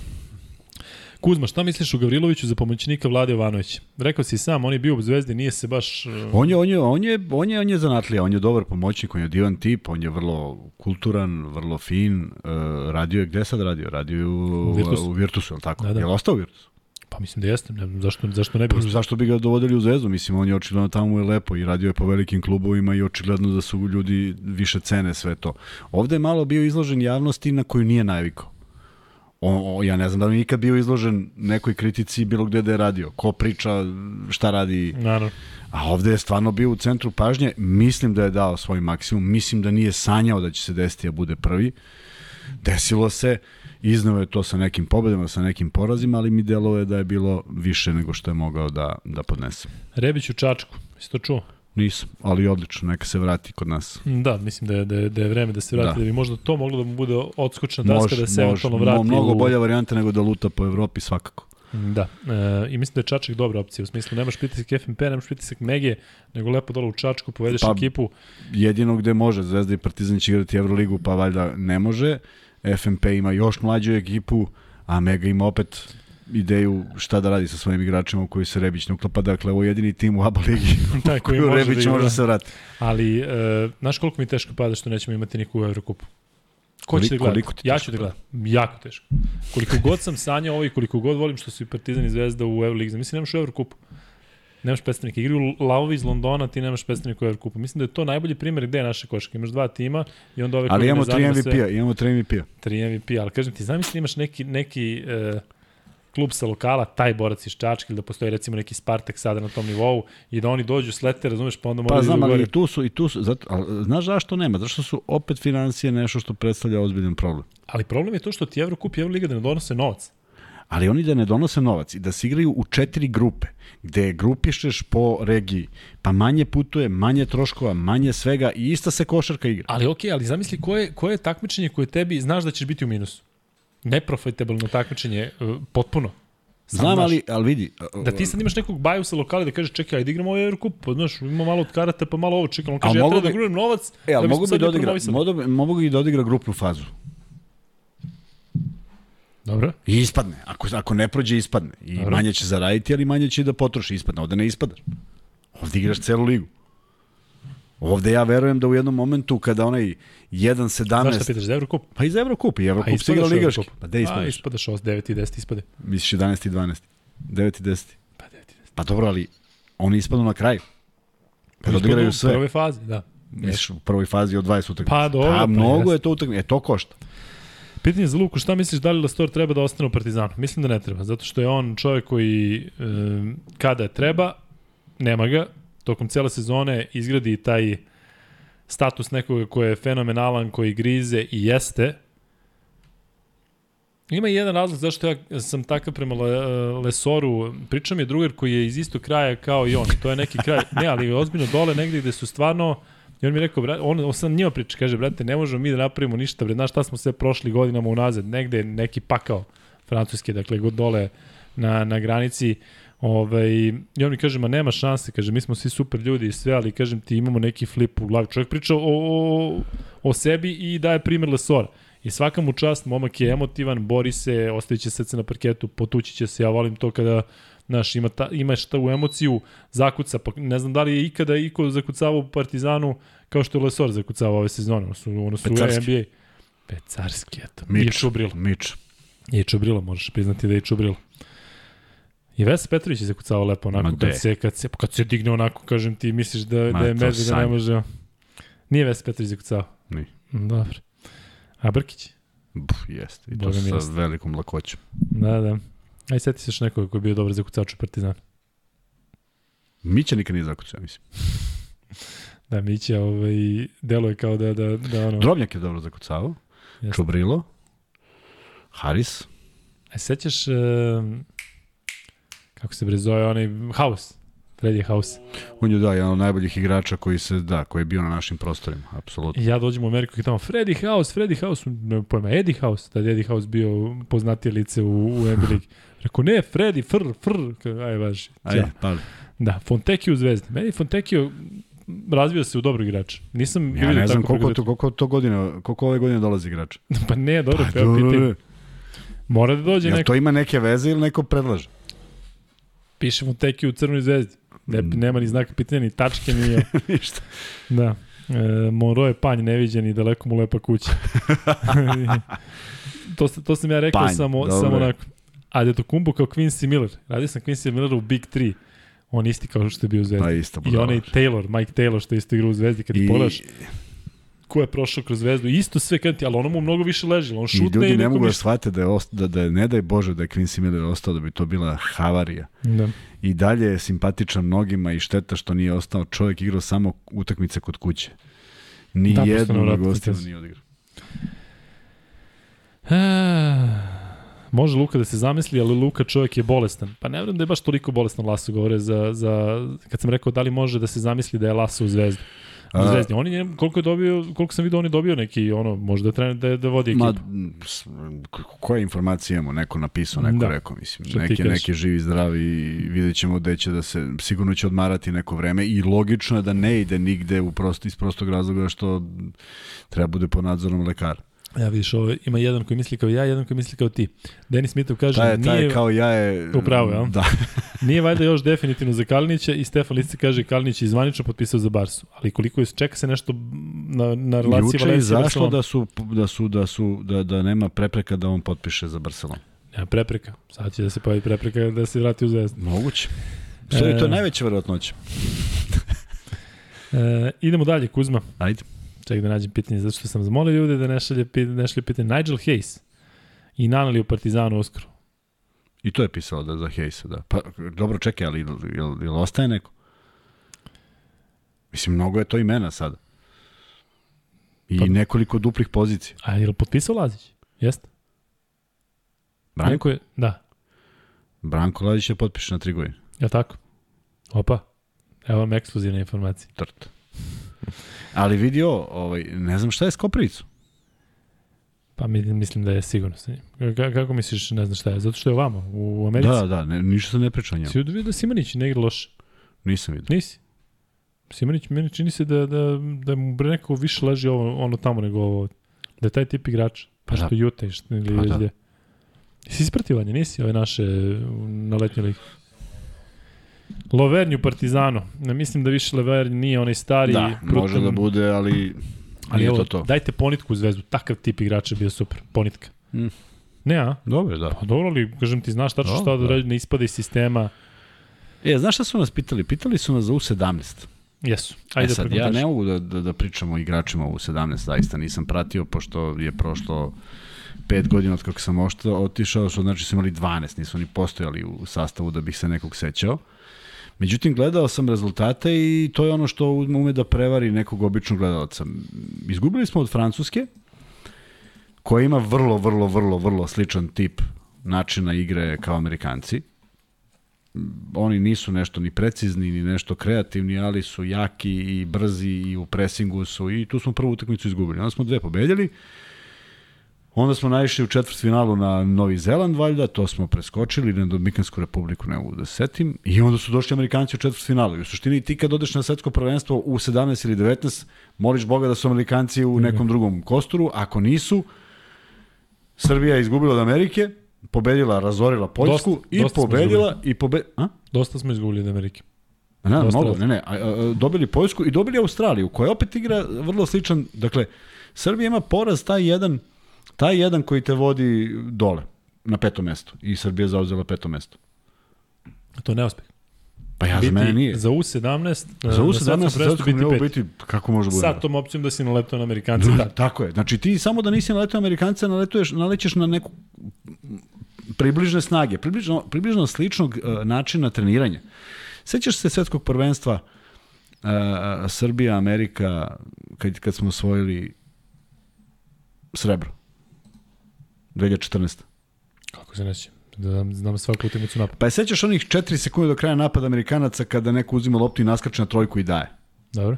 I ja pokušavam da objasnim, to može da uradi jednom i Bogdanović. To može bilo ko od naših igra. Ali ovi ljudi to treniraju na taj način. Zato su sigurni. Zato kad neko trenira da igra tako, to njemu nije nešto nepoznato što treba da smisli na ovoj utakmici. E sad, Amerikanci ovako treniraju generacijski. Svi treniraju ovako i zato su toliko brzi. Prosto ni jedna reprezentacija u Evropi ne odgovara toj brzini i oni su uvek u 99% slučajeva se prošetaju do kraja. Zato što su u, u takvoj vrsti treninga. E sad, kad naletiš na njih imaš problem, kad naletiš na njih, kao što Španija nije igraju finale i nema sad tu nešto mnogo filozofije. Tako da ovi momci sigurno nisu doživjeli neuspeh, iako nešto ne vidim da ih ima po novinama, makar da pišu o nečemu dobrom što se desilo, jer sigurno se nešto desilo dobro kad imaš pet pobjeda, 1, 2, 3, 4, 5 pobjeda. Kuzma ne interesuje to ljude, to, Pa ljudi, to znam, interesuje, interesuje- naše ovde koji prati košarku celokupno i Ej, a, i, ali, ali, znaš koga, i ja odlično prvi smo. Ili kao, vidim majku mu treći smo. To je ono što se meri. Ja sad pričam nešto malo dublje, da taj ne treba razapeti Gileta koji je bio trener ovaj, te selekcije ili bilo koga, nego jednostavno razumeti da peto mesto na svetskom nivou nije nikakav problem, nije ništa strašno, a da je faktički jedna utakmica koju svi žele da izbegnu i kad gledaš raspored i kažeš ja, možemo na Amerikanci, onda potone, znaš, sve se sruši jer, jer znaš da njih ne možeš da pređeš. e, Samo nisi, gledao, nisi gledao finale, nisi.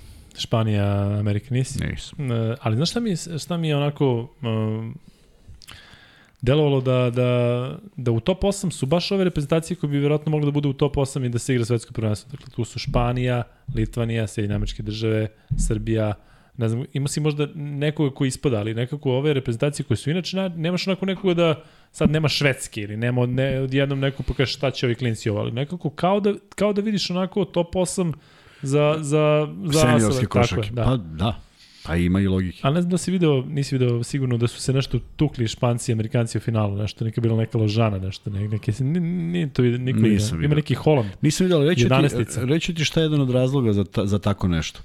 Koliko god ljudi ne verovali u sistem koji postoji ovde, za, za te mlađe kategorije, sam sistem je prilično dobar.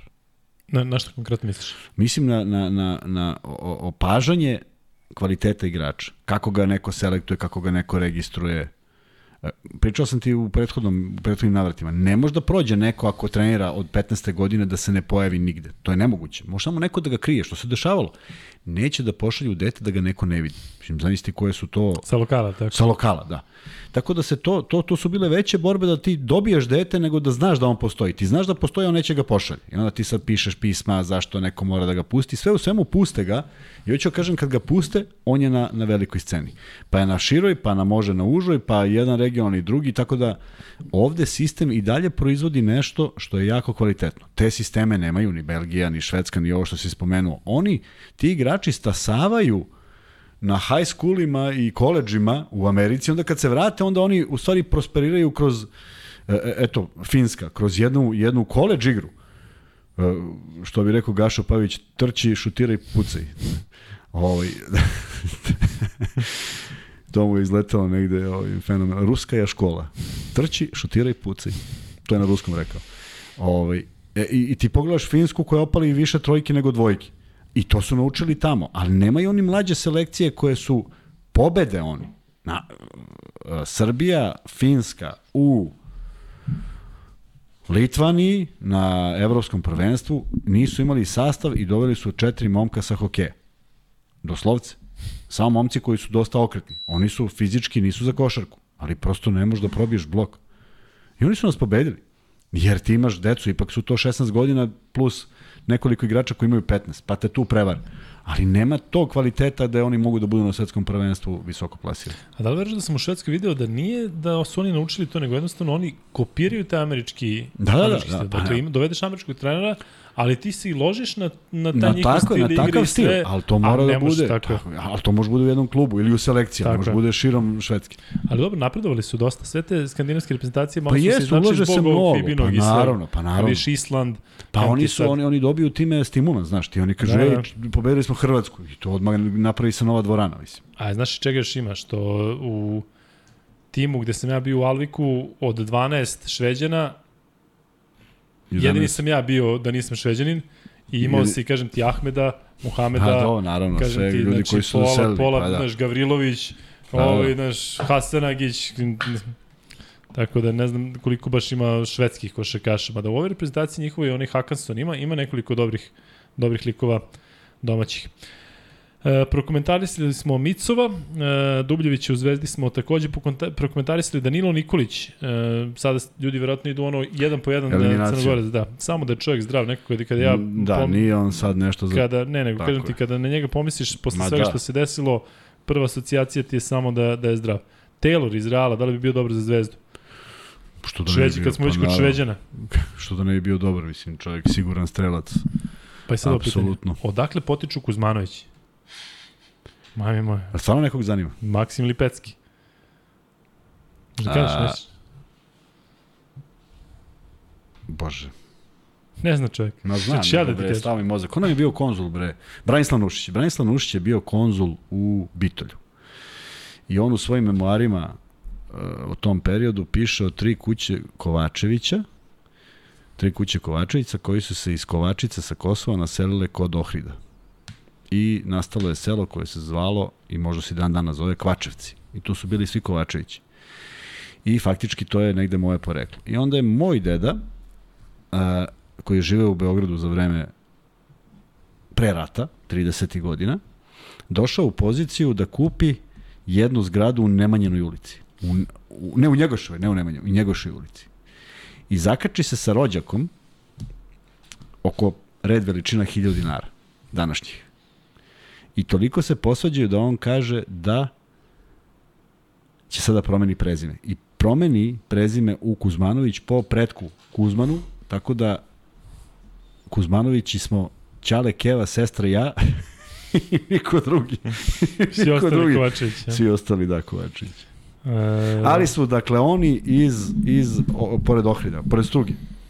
Da, to si meni pričao, pa sam ja istripao da je, da je kumano.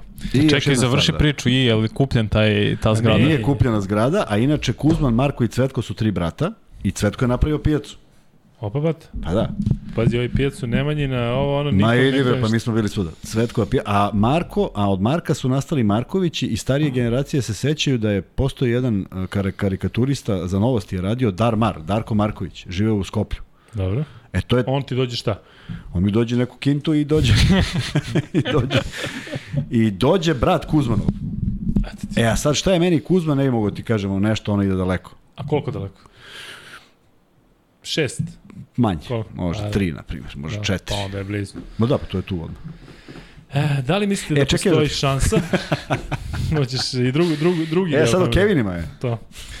Da li mislite da postoji šansa da ćemo za sezonu 2 čitati vesti o višemilionskim dugovima, dugovanjima Zvezdi i Partizana usled činjenice da dovode neka nenormalna pojačanja, mislim i na trenere i na igrače? Pa mene ne bi začudilo da to ne bude da to bude već za godinu dana, ali neko delo da je situacija u Zvezdi mnogo baš onome što smo pričali, da je mnogo realnija i da se zna šta radi neko u Partizanu je sve na bum. Znači bum, evo ga, Žebradić, ajde sad idemo osvojimo Euroligu. Čekaj, stani.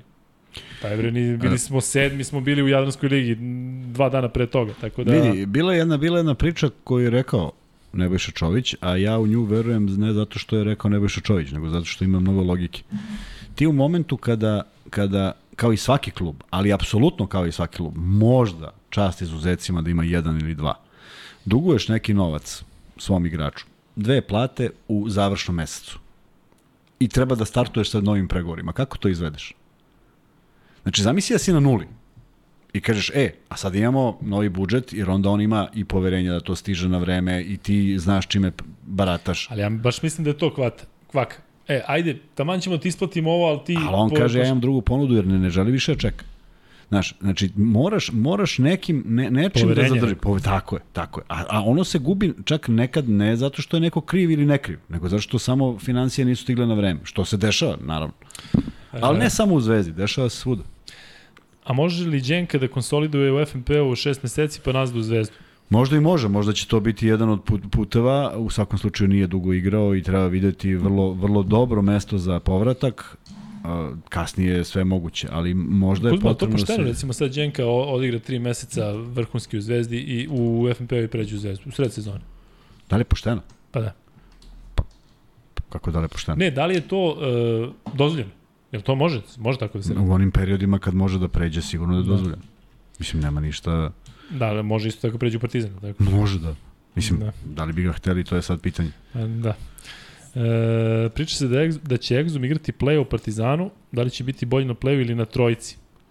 Pa ne da će Exum igrati play u Partizanu. Dakle, mislim da se sprema neko ozbiljno pojačanje e, Partizana na poziciji 1. Čak, ako su moje neke informacije tačno, tačne da Pa što ne kažeš, sve su rekli, a ti sad svoje kriješ. dve, dva ozbiljna playa dolaze u Partizan. Jedan pravi kao backup i jedan ovaj. Žao mi što Kalates nije realan, ali dobro. E, volio bi da dođe recimo igrač kao što je Shields, taj neki tip igrača, ne govorim sad o playu naravno, ali neko bre od koga znaš da može uvijek da uradi šta god je potrebno u ekipi. Sećam se e, Jamal Crawford, e, Vanja, u Clippersima i sad ide na klupu, tad je isto vjerojatno i te sezone bio najbolji šest igrač i vraća se na klupu i Doc Rivers ga zaustavi i kaže, e, brate, sad nam trebaš, znači stvarno nam trebaš, ajde, ajde odradi ono svoje. I on odmah, 3, 2, 2 plus 1, kaže ti, znam da imaš takvog igrača, samo da ti trener kaže, e, ajde sad stvarno, znaš, ne, kakav je ono bio car, jel kakav gospodin je. Igrač je stvarno, Jamal baš je Crawford, bio kažem ti igrač. koliko je poena dao, šta je sve uradio i, i kažem ti, jer niko ne priča o njemu. A znaš ti kad je recimo za Bjelicu rekao on koji je takav, kažem ti šta je bio i kada su pitali za, za nas nešto, da li je Miklja bili nešto kao, kakav je Bjelica šuter, kao možda ga poriš, on kažemo, nisam ja ni, iskreno kažemo, nisam ja ni blizu takav šuter, on je čovjek pravi, on nije blizu takav šuter, stavlja po 80 poena tamo u drugoj ligi. Ovaj, e, kad bi nam Jamal Crawford došao, to je bilo super. U prajmu. Kuzma, da li format Euroligi pod hitno mora da uvede da bar dva tima ispadaju i da naprave prvih 10 dobijaju zavisno od pozicije neke pare? Nešto kao što u F1 konstruktori na kraju sezone dobijaju pare. Nismo ni blizu toga šta je uradio futbal i kako, kako je koncipiran, na, na moju veliku žalost. E, preglomazan je sistem i dalje mislim da je preglomazan, ništa ne rade na tome da ne bude preglomazan. Da se vratimo samo kad smo već sad spomenuli e, priču oko Bodiroge i sad odjednom je izašla neka vez da ima opoziciju, pa vidi logično, 6 samo je pitanje, da, samo je pitanje s koje strane dolazi, ako je situacija 6-5, što ne valja i to Ne, bi trebalo ne miriše ono dobro, ti iskreno kažeš. suviše dugo traje, a ništa se ne donosi. I sada uh, ući će se, znači u neki početak sezone da će neko reći ajde moramo da igramo ovako, opet niko nije, ne razmišlja o broju utakmica. Nije normalno, ali zaista nije normalno. Prosto uh, uh, idemo iz utakmi iz godine u godinu bez ikakvih osvrtanja na to koliko ima utakmica, a stvarno ne vidim da ne može drugačije. I mislim da bi bilo mno, možda čak i interesantnije. I mislim da bi za pojedine ekipe spas bio da ispadnu u određenim momentima. Što je sad nemoguće. Znači sad Ali recimo da imaš grupe. I Partizan u jednoj grupi, Zvezda u drugoj grupi. Odlično. I onda će bude, evo vidiš kao naša grupa je slabija, ova jača. Ovdje imaš dvokružni sistem sa svima i tako je ravnopravno. Pa ko je to? da Ko je šta me vedima ko šta kaže? Pa ne, ne, kažem ti, zaista može da se priča o tome. Ajmo, ajmo, znaš kako i- ali imaš ajmo, de, grupu ajmo smrti, a 10 ovdje imaš 10. grupu... Ajmo 10 10, ajmo istok zapad. To će bude podjednako. To mi je prihvatljivije. Nego Pa ajmo ti, ono, 10, grupa 10. smrti, ovde nije grupa smrti i sad ovaj E, se ali manje putovanja, znači ne letiš kroz celu Evropu, letiš Jeste. ovamo, letiš onamo, ali igraš i odi, odigraš ozbiljno veliki broj utakmica. putovanja zbog Rusije, tako da eto, Pa, to, ti, mislim. to ti je, to ti se, uslišili su ti tu molbu. Treba, treba vratiti stari ELA sistem, bilo je zanimljivije. Pa i to ima smisla. Grupna faza pa se ukršta. Jeste. Znaš, sve ima neki, neko, neki svoj smisao. I kažem, kad ne ide, kad iz nekog razloga ne ide, kažeš ajde, idemo u neki novi projekat, aj se fokusiramo da završimo ligu pa da budemo prvi. Ovo ne može da izađeš. Ne može da izađeš, to je istina. E, samo da ne bude drugi crnogorac Marko Todorović. Šta miš o njemu? O Marko? Je, stvarno sam ga malo gledao. Momak što igra za reprezentaciju, Da, da. nisam ga mnogo gledao. Vidio sam da je pogodio Neke trojke. nešto i ispod nekog radara, ono Bilbao, Da, pa da. vamo, pa Ne namo, ne možeš da ga vidiš negdje. Ne znam, ne znam zaista. Ovo, I onda dođe u reprezentaciju i kao pokida, znaš, to mi je... Na nekom, volio bi da ga vidim na nekom klubskom nivou, visokom, da igra ovako u Euroligu, Eurocup, Da. pa da kažeš može ili ne može. Ljudi ovde non stop e, pričaju za Gosa, ne znam što je tolika pomama za, za njim, Ali igra on dobro ove godine. Ma igrao je dobro, ali kažem ti nije potpuno drugačiji momentumu i u drugačijoj situaciji bio u Partizanu, nije nije za poređenje, bar ja tako mislim. Nije više u Virtusu Gavrilović, kaže Denis Smitov. Dobro. Nismo znali. E, dolazi Naneli gotovo sigurno, kao još jedno krilo. Iskreno, ja bi na drugom mestu, a na trećem volao da vidim, odnosno na drugom mestu, a na trećem, na trojici volao da vidim Amara Gegića. Prati, znaš Amar Gegić, šta je i kako? Simpatično, zanimljivo. A? Pa samo je zanimljivo. A da li neko hoće da se posveti tome da bude za tri godine i, i super? Da li je na koleđu još uvek vreme 34 sekunde? Mm, 35 je bilo kad sam ja bio i znam da su vratili na 30 takovanje. 30 sekundi napad.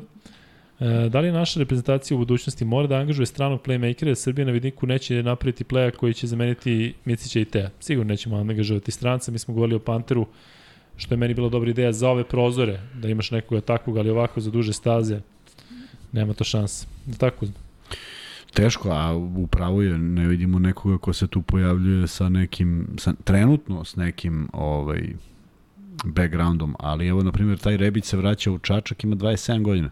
Mislim da je to bio znak pitanja gde su napisali mm, A, da, da ne, nije. ne verujem da je neko sad u jednom čačak moguće da se nešto pregovara. A, ne, nemam pojma. Ali evo, na primjer, Rebić, možda 27 godina, možda je to moment kad može da stasa pa da bude ovaj, da sazri, da bude neko ko bi vodio taj tip igrača. Nismo ih proizveli baš mnogo u ovim uh, silnim Nismo. selekcijama. Nismo ništa. Da ovde podsjećaju da je Veseli svoje vremeno zakucavao u Partizanu vrhunski jeste. Naravno, ali neko uvijek je atraktivnije kada niži igrač zakucava. Koliko je bio visok pecarski?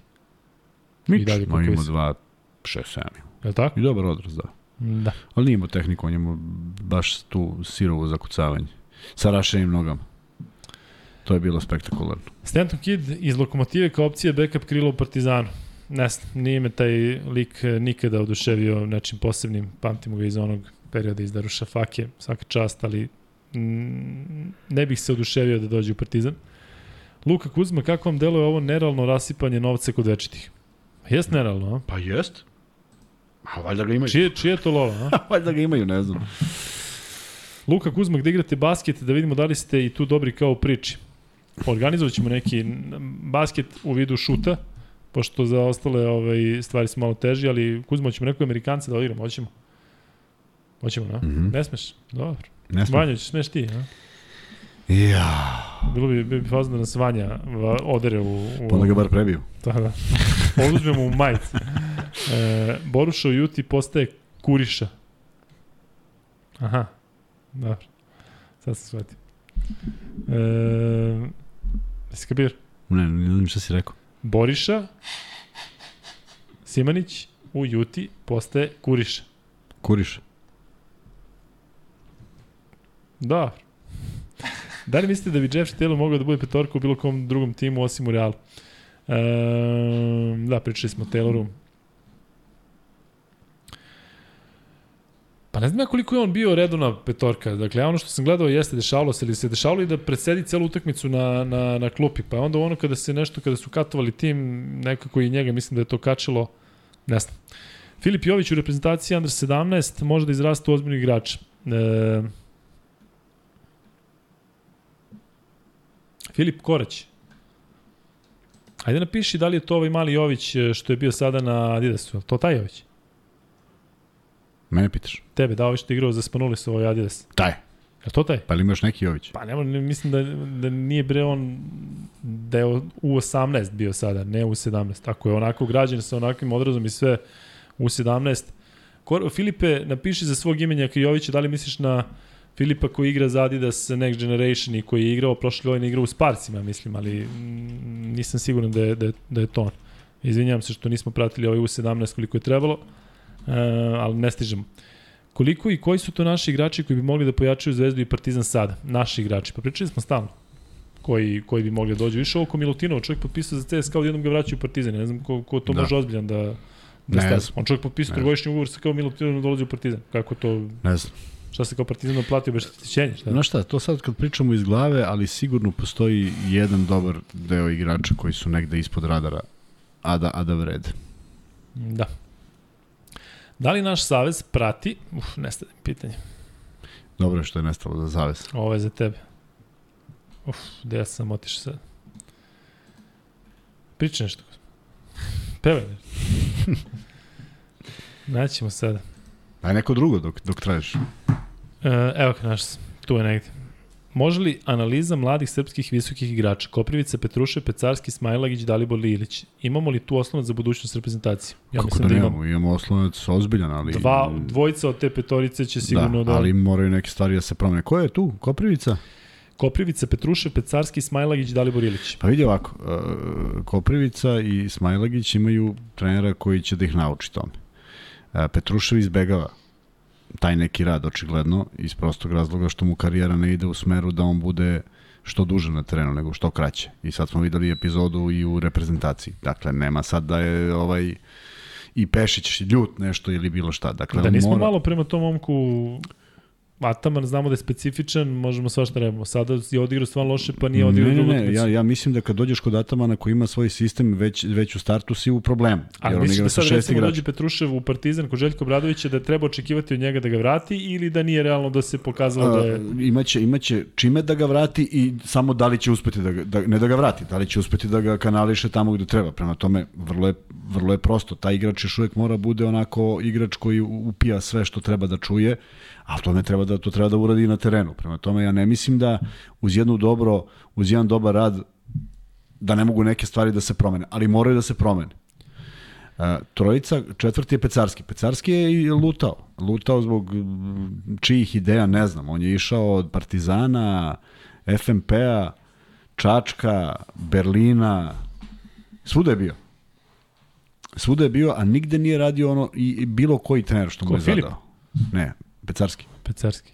Apsolutno je radio igrao svoju igru. I to je najveći problem, što on ima taj stav da on treba da igra ono što što on misli da treba da igra. Čekaj, on je 9-9? Da. Da, mnogo bre godina. On je čak i, kažeš. možda, ne, on je čak možda i 0-0. Ali kad kažeš 22-23 godine, to više bre nije mlado. je. Čak i 0-0. Eto. Da li naš savez, za ono pitanje, prati i traži igrače koji su našeg porekla, rođeni su u inostranstvu? Koliko igrača mladih ima preko grane i uzme ih neka druga Nema, zemlja? sigurno. Jel se radi nešto naš Ne. savez? Ma jo. A šta treba da radi? Treba jednog čovjeka koji će to da radi. Šta da radi? Prvo uzme i popiše sva imena. I onda?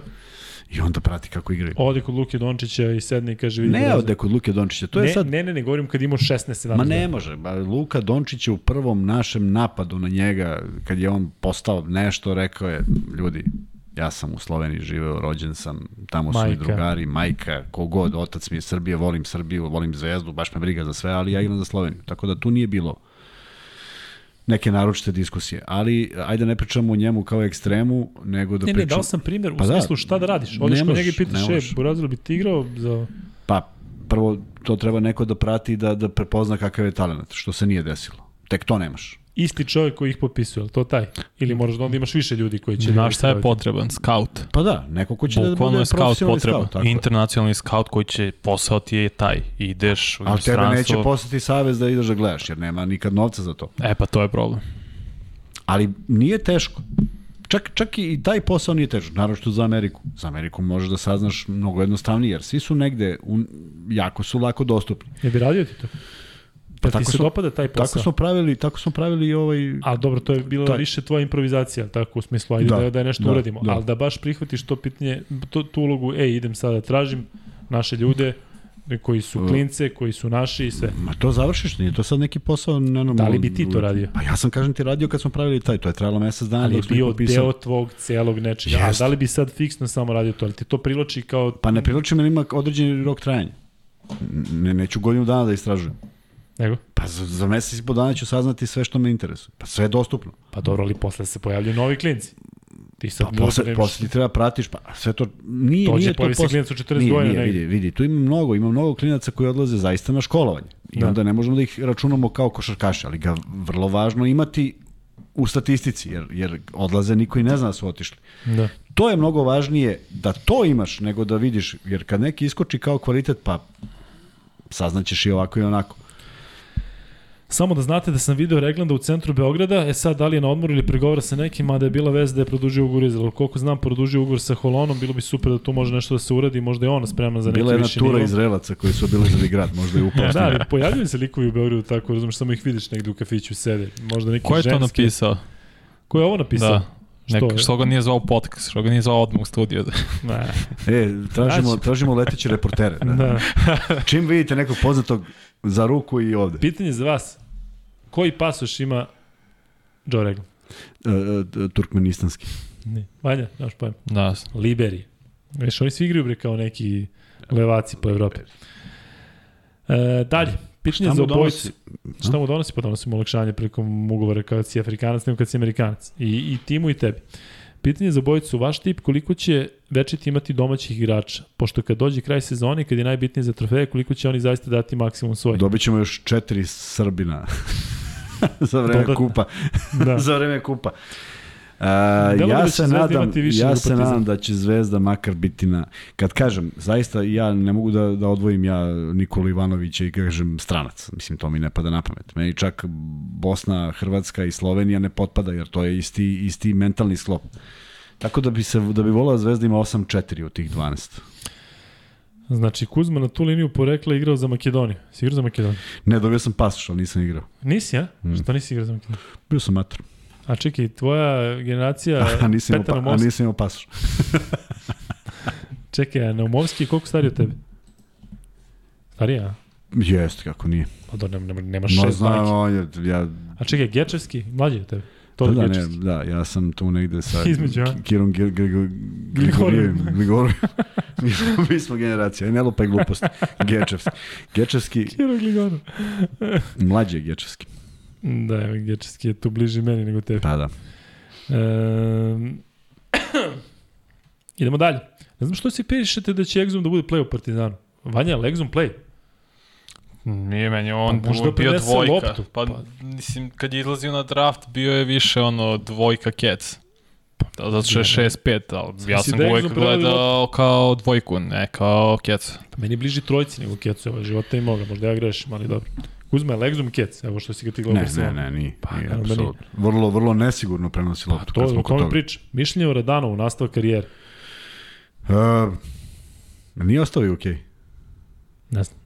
Nešto se tu desilo zato što je jako brzo otišao iz Zvezde, a mislim da, da tamo ipak ljudi uverili smo se na nekoliko primjera, daju šansu i nešto nije pošlo kako treba, neka je procena bila da, da, da treba da ga puste. Meni je žao zato što se meni on jako dopada u tim mlađim selekcijama, pa čak i kad je Radonjić njega ubacio u vatru, to je izgledalo prilično prilično dobro. A si iz njega govorio da je u reprezentaciji nešto se odazivao ili već šta je, da je, da je, da je, da, da je iskakao. Njega si pominjao On je, on je bio uvijek dobar zato što, zato što je vrlo, vrlo hrabar i mogao je da zostaje u tom uzrastu petice, četvorke, trojke, nije, nije se uopšte libio koga će da čuva. I, ovaj, i, I meni se dopao kao karakter. Međutim, kažem, nešto, nešto od tog momenta da on dobije jednu šansu kako se Zvezda njega o, o, o, oslobodi, kako su ga pustili, mora da postoji nešto što mi ne možemo da znamo odavde. Da li je pošteno da menadžeri posjeduju klubove? Šta mislite kakve takmičarske ambicije imaju FNP i Mega? Pa delo mi da FNP ima možda i, i jače takmičarske ambicije, posebno s ovim što prave za sledeću sezonu, ali nešto vidim Kuzmić Zvezda, pa kao FNP, ali Kuzmić košarkaš? U FNP-u. Zato što je negde izašlo kao ko su, ko su igrači koji ostaju, koji možda pro, će da produže ugovor, ali ajde da, da, da prihvatimo da je u FNP-u, barem sam ja tako video. Šta mislite o podcastu Jao Mile, Kuzma? Odlični. E, da, drugačiji je tip.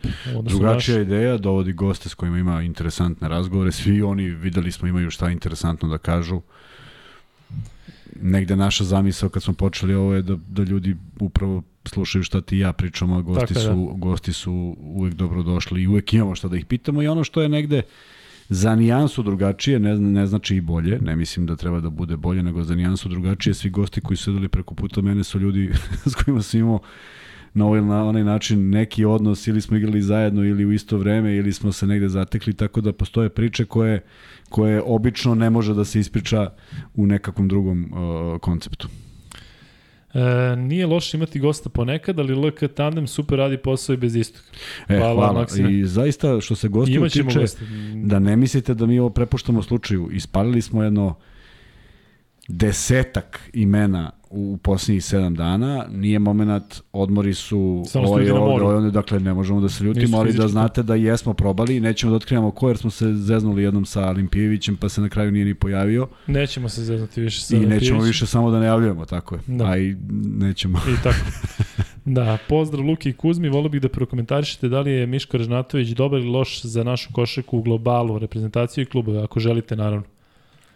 Pa ne, nije teško reći dobar ili loš. On ima tu nezahvalnu ulogu da je zaista negativac. Kad kažeš menadžer, to nekako odmah ljude asocira na nešto negativno, u smislu sad je on tu da ne znam šta uradi, pa uzima pare od igrača, pa čim Jokić potpiše ugovor, svi kažu aha, koliki je njegov procenat, ali mora neko da ima i to. Postoji naravno, što se mene tiče, taj plus da zaista menadžeri jesu tu možda da štite igrače od nekih neregularnosti u klubovima, a opet sa druge strane, ako utiču, a verovatno utiču i na neke njihove odluke na koje ne bi trebalo, to je druga stvar. Ali... A, živimo u vremenu kada, kada, koje ne može se porediti ni s jednim prethodnim. Naime, da. ti ne možeš da imaš u 95. godine sedam igrača i jednog menadžera u jednoj ekipi. Što je potencijalni problem za trenera i za ekipu. Dakle, zaista se otišlo korak dalje tome nema kraja, nije dobro, zato što o, i zaista mogu da budu ozbiljni problemi da nastanu i svega toga, a meni u stvari u celoj toj priči e, gde se ja zaista divim ovim momcima koji uspevaju da, da se dočepaju NBA lige iz, iz Mege i jedan od najdržih ljudi iz sveta košarke, čovjek s kojim sam igrao dve godine, Dejan Milojević, dakle jedan moj ne mogu da imam neko loše mišljenje o tome. Ali obe ja, godine u budućnosti, tako? Obe godine u budućnosti. Ali ja ne mogu prosto s otmem utisku ovo što jedan sada momak napisao, pa ajde jednom da, da budu, da, da, da, da, da, da odigraju finale ili već nešto, pa, pa da zagrizu pa Evropu. Znači nemaju, nemaju taj sportski, sportski, jer to košta. Ja potpuno razumem da to jako je teško naći sponzore i sve to, ali to znači da oni zastanu uvek negde. I sad ako mi pričamo, ako neko sad kaže FMP, nema sportske ambicije, a Mega pustila tri igrača na letnju ligu u sred, to jest onaj workout, u sred ligaškog dela. Nije normalno. Ja razumem šta oni pokušavaju i hoće se domognu nečega što im je životni san i sve to stoji, ali to nema veze sa sportom. Nema veze sa željom da bude što bolje. U krajnjem slučaju da posmatramo da smo ja i ti njihovi saigrači i drndamo se cele godine i oni su naši vodeći igrači i oni odu i nas dvojica. Da, ali um, ali mi želimo pobedimo taj ali partizan. Ali jako je teško e, napraviti uh, liniju između toga ljudskosti ti ako smo ti saigrači, znaš saigrač ode tamo i pa daj Bože da navijamo za njega, ne ostavi nas se na cedilu. A recimo da te pitam, Nate Walters kad je otišao zbog nekih problema, niko nije imao loše, jel ostavio on zvezdu na cedilu? Kad je pa otišao nije isto, on je otišao čovek, otišao kući. Nije pa otišao, Pa još gore možda. Ovaj je otišao da igra. Pa uslovno jeste ostavio ekipu. Ali kad kažeš saigrač, šta misli saigrač? Čekaj bre, pa šta sam pa, ja ginuo uslovno, ovde, ti... uslovno jeste, ali on je otišao kući, nije otišao da. da, da igra klikere, nego je otišao kući. Bilo mu malo naporno sve. Pitanje za Kuzmu, Kukoč ili Dražan i zašto? E, nešto što sam ja više voleo, valjda zato što sam, ne kažem, bio sličan ali, ali bio sam ovuk i više sam, više sam e, kre, krea, kreacija pravio nego što sam imao košarkaškog znanja, onda mi je Kukuč, zato što je to, on je zaista tako izgledao. Mogu je da uradi apsolutno sve, da vidi pas gde go treba, da uradi i levom i desnom rukom, pritom potpuno atipičan. Zato on, ali ako bi zaista morao da biram najboljeg, to bi bio Dražen. Ovaj mi je lepši i sve, sve kako treba, ali neko ko se toliko posvetio košaci i koji je doneo toliko toga što je doneo i novina i kvaliteta i pobeda i karaktera i svega, to je zaista bio on, jer ipak je tu jedna, jedna, jedan jaz od jedno 4-5 godina između njih dvojice i ovo kad si video da postoji i kad si video s kojom lakoćom on igra i gledao šta su sve ljudi radili da ga zaustave i nisu uspevali, pa onda pogledaš utakmicu da igraju on i Galis, pa ne znaš ko tu bolje barata loptom. Dakle, stvarno je bilo vreme gde, gde su oni bili sve oči uprte u njih. Kukoč dolazi u jednoj drugačijoj košarci, atipičan igrač sa svih pozicija, neverovatan igrač od, od, od, od, od, od svoje 17. godine, kad smo manje, manje više ko nije zavio, navio za njih u Euroligi, ta je, ta je lud. Ovaj, zaista neko ko je, ko je posle napravio ozbiljnu NBA karijeru, pritom ostao vrlo, vrlo jednostavan Just, i prizaman i to je sve. divna stvar. Dražan je bio drugačiji Jest, mentalni sklop. I, emotiva, i motivac i sve, ja ne znam, mm. Kukuš da li nekada, da li, da se seća neke njegove facije ili nešto. Ne, sada... on ima onu divnu priču Jest. kad je ušao u halu sportova, kad je već počeo rad, pa nije znao šta, šta da očekuje kad je cela sala ustala da ga, da ga pozdravi. Isto tako kada da, su došli na, na Saleta Đorđevića. Da, da, tako je. E, nisi, vi ste tu negde po godinama, ti i Toni. Pa da? nisu, stariji on. Pa nije stariji, šest godina. Pa možda jeste koji on, 67. Ma ne moći da Toni ima 56 godina, 55. Pa ja sam i od njega stariji. Ali ne, hoću da te pitam, jesi imao neke dodine tačke, bilo kakve, nisi mogu nikako da se, da se sa njima negde na nekom Gledao sam ih jednom u Beogradu. Gledao si? Ja? Nisam, nisam mogu jer je počeo raspad države. A ja sam igrao prvu B ligu 91. A oni su odigrali još tu ligu. To on je 68. Pa 68. Pa. Čovjek kaže 67. Ja sad razmišljam ja, samo u glavi. pretpostavio. E, dopraće ti se ovaj... E, ovaj e, komentar posle Kuzme potop u KSS.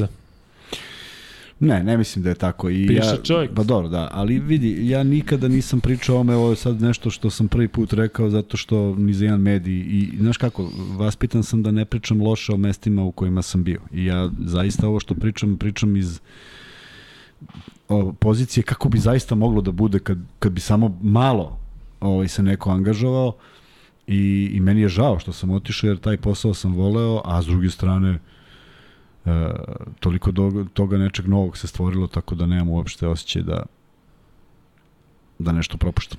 Ognjene, pošalji ponovo samo bolje formulišao pitanje o Kuzminom engleskom sa Sašem Stevanovićem, zato što ne, ne shvatam. E, nešto si očigledno pobrkao, pa ću onda pročitati.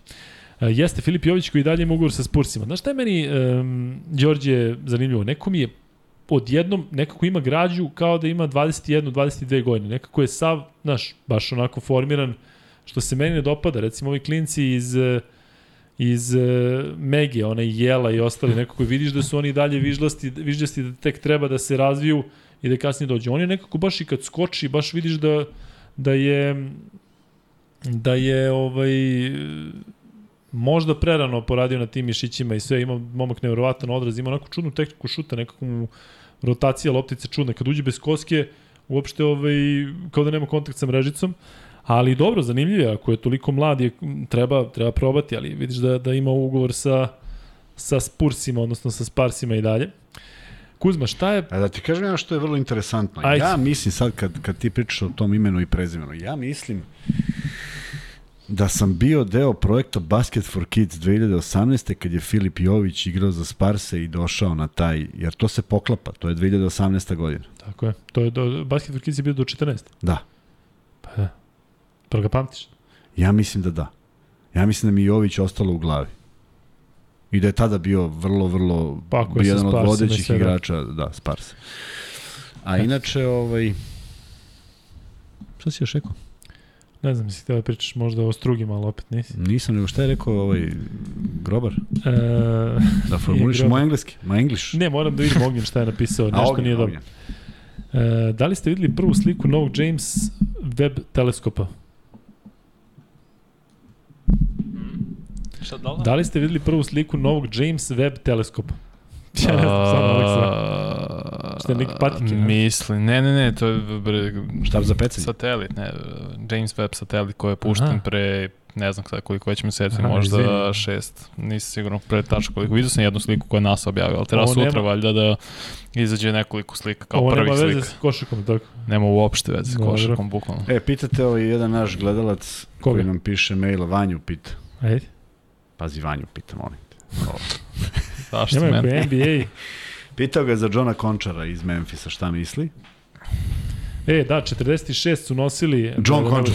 da. 46 John Končar, 46 Bo Outlaw. Ko se seća Bo Outlaw? Kuzma se ne seća iz Phoenixa, pitao sam ga pred početak ovog.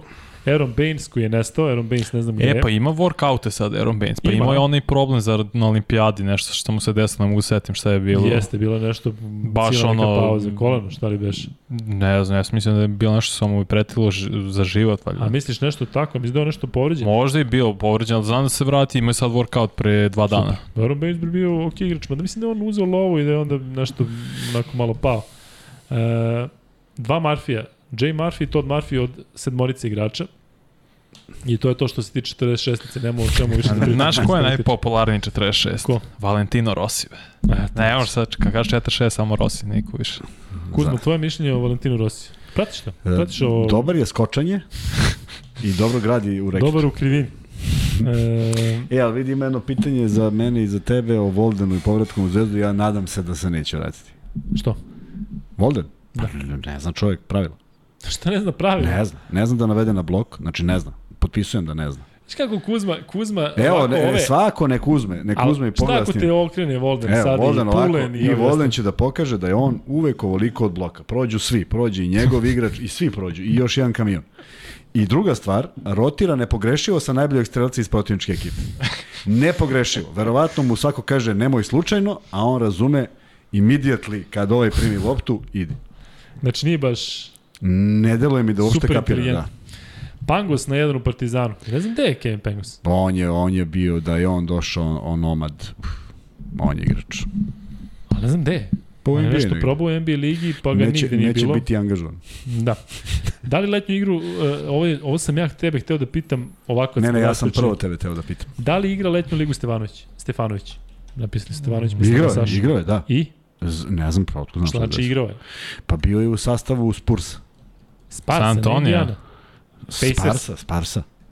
Nisu ovi Sparsi da igra Jović. Sparsa i Sarajeva. Na letnjoj ligi u Sarajevu. Po, ne, ozbiljno. Stvarno bio ili? Pa ja koliko znam Kako bi stvarno da li je bio? Vi sumnjate u moje izvore? Pa i šta se desilo? Ajde, pošto to Šta se desilo? Pa to sad već ne znam. E, pa jeste, evo ja sad vidim e, roster. E, šta kažeš? I, I? ili ima neke minute, neki poen? Pa ne če to sad te, treba da vidim. Zovi Sašu, da, zovi Sašu da pitamo sad. I minus. Zovi Sašu ovog sada. Šta mi kažeš, šta mi je problem sa engleskim? To da vidim kako ne, treba pričam. Ne, čekamo ovdje radi Jel treba sa akcentom, jeli? E, Filip Jović 2005. godište, igrao na Next Generationu, igrao je i sada na prvenstvu u 17, na utakmici protiv Nade zabeležio 20 9 skokova. 2005. od 2018. do 14 godina, jest? Petrušak potpisao na 12 meseci sa Filadelfijom. To je dobro, to je dobar potez. Uh, Luka, šta misliš o Deriku Willisu iz Juventuda kao zamenu za Whitea u Zvezdi? Isti tip igrača sa trenutno mnogo više hrabrosti i nikakva spekulacija, samo moja lična želja. Mogu ti reći da me pozitivno iznenadio kada sam ove godine komentarisao Juventus zato što je radio baš šta treba kad treba. Dakle, baš onako i kažem, sam znaš i postigne trojku i odigra u odbrani i onako zna da, da napravi faul kad treba. Dakle, sve je radio po PS-u, ali opet mislim da nije možda za evroligaški nivo. Od Vajta se očekivalo više, Vajt je nekako popuno pao u drugi plan posle povrede, kada bi došao Vilis u zvezdu, da ti žrtvuješ da imaš jednog Amerikanca tog tipa od koga ne očekuješ mnogo, mislim da bi bilo, da bi bilo možda Vajt ima ugovor za još godinu dana, još godinu dana. Ovo su direktno informacije iz... Ne, ne ima još ugovor na godinu, da, no, ima, kaže još ugovor da još nešto sa Skupštine, te neke informacije. Lazić na tri godine, Vajt ima pa, još kad sam ja ustao tamo i počeo da pričam. Je. A šta si mi rekao preko telefona? Čekajte. Čekajte da, da završim s Lukom. Tako je. Pa Petrušev igra letnju ligu za Filu. Igra, ali ovde piše, piše da je potpisano pa 12 meseci. da stvore meseci. cap space da bi potpisao. Eto viš. Harden još nije potpisao prvo, jako se priča da treba pay cut. Ja, slobodan Harden. Jeste. E, za, zašto za Harden ne pitio da dođe u Partizan zvezdu? Šta je zašto 30 nije, zašto nije, miliona? Zašto je oslabljenje? Kada bi, kada bi doveo, kada bi doveo sada nekog Vanja, daj nekog, evo, o, dajem opet primer, ne može Izea Thomas, ali ko je recimo igrač Demarcus Cousins? Demarcus Dobre. Cousins dođe u Partizan. Koliko bi bilo realno da se naplati od dresova? Jel bismo mi kupovali dresove Cousins u Partizanu? Cousins dresove, da li bi ja kupio? Ne ti, ti ne bi kupio niči dres, ti bi kupio, šta bi kupio, Boti dres. Imam svoje. Ali razmišljam recimo ono, a, a, Iverson kada je došao u Bešiktaš. Ali nije, ne možeš porediš. Pa ne, nego da li bi mogao klub da naplati ako sad njega platiš 3 milje? Ne možeš. Kako ne pa, možeš? Vidi, na toj skupštini su bili Dobro. neki, neki po, po, ovaj, informacije o prodaji merchandise, što ti voliš da kažeš. I merch ništa, a? Pa mislim, 4 miliona dinara. Trebalo da ti kažeš samo 4 miliona, pa da se pitamo svi da. dalje. Hoću ti kažem, ne ide to kod nas. Ne, da. ne možeš ti da napraviš nešto toliko to ćemo, da košta. To ćemo mi ćemo da zaradimo više od toga. Da. Ne, ne, hoću kažem, takva je kupovna moć, realno. Znači, da. ne može da, da se nešto napravi taman došao i kazim, mada ja ne znam što da njega nađe. Ma ne, gledam neku NBA zvezdu da bi ti mogao da zaradiš marketinške njega. Da sad da on dođe i da ti koristi u klubu da kažeš, e bre, čakaj bre, daj, znaš, daj da nosimo. Ili lupam. nema, se, nema to Ali pazi, kad je Rekočević, kad se vrati u zvezdu, bila je opšta pomama za njegovim dresom. Dakle, to se tražilo, Igorov dres još. Znaš ko, kad, to kad bi Bogdan se vratio na Priviru Partizan? Pa, Bogdan, to bi, bi to ti je taj. Kad bi se vratio sada, ali sad se neće vratiti sigurno. Neće, neće sigurno, ali to ti je taj fazon. Da, ali kasnije kad se vrati neće imati tu težinu, razumeš, ako dođe Sava ispovređivan sa 34-5 godina. Ali razumem te šta hoćeš da kažeš. E, Vili si potpisao danas za Veneciju, viš kako naši imaju bre odmah informacije šta je kako. Ja bih ga uzeo čak i u Partizan. Meni čak delo da bi se bolje snašao u Partizanu nego u, u, u Zvezdi, ali dobro. E, dopada mi se da je tip igrača. Ima bre ovaj bre, kako se zove, Vat iz Venecije. Ja bi za onom momku dao lovu, dakle, i ne bi trebalo. Znaš kom... Zato ti nisi upravi. Pa i zato me stave, sad bi došao Vat ovde za male pare i bilo bi ovo. Sad bi potrošio pare. Čovek koji, kažem ti, sve kako treba, leđima, op, finta, asistencija, sve pod konac i atraktivno i korisno, sve znaš šta da očekuješ. A šta je s onim iz vođom burse? Ne bih se setio imena za 200 miliona dolara. Vođom burse? Šta znači vođa burse? Pa najbolji na terenu. Holland. Ne. Uh, Andrew Andrews. E, šta je s njim? Te bre, one, one, one, bre... Ma ne, samo te pitam šta je s njim, ne da li Ne znam, nego, mislim, da, da, si... mislim da je bilo neke priče da potpisuje za neko Evroligaš. Pa, nešto, pa to, neki... to, to te pitam. Da li se neko primio na to?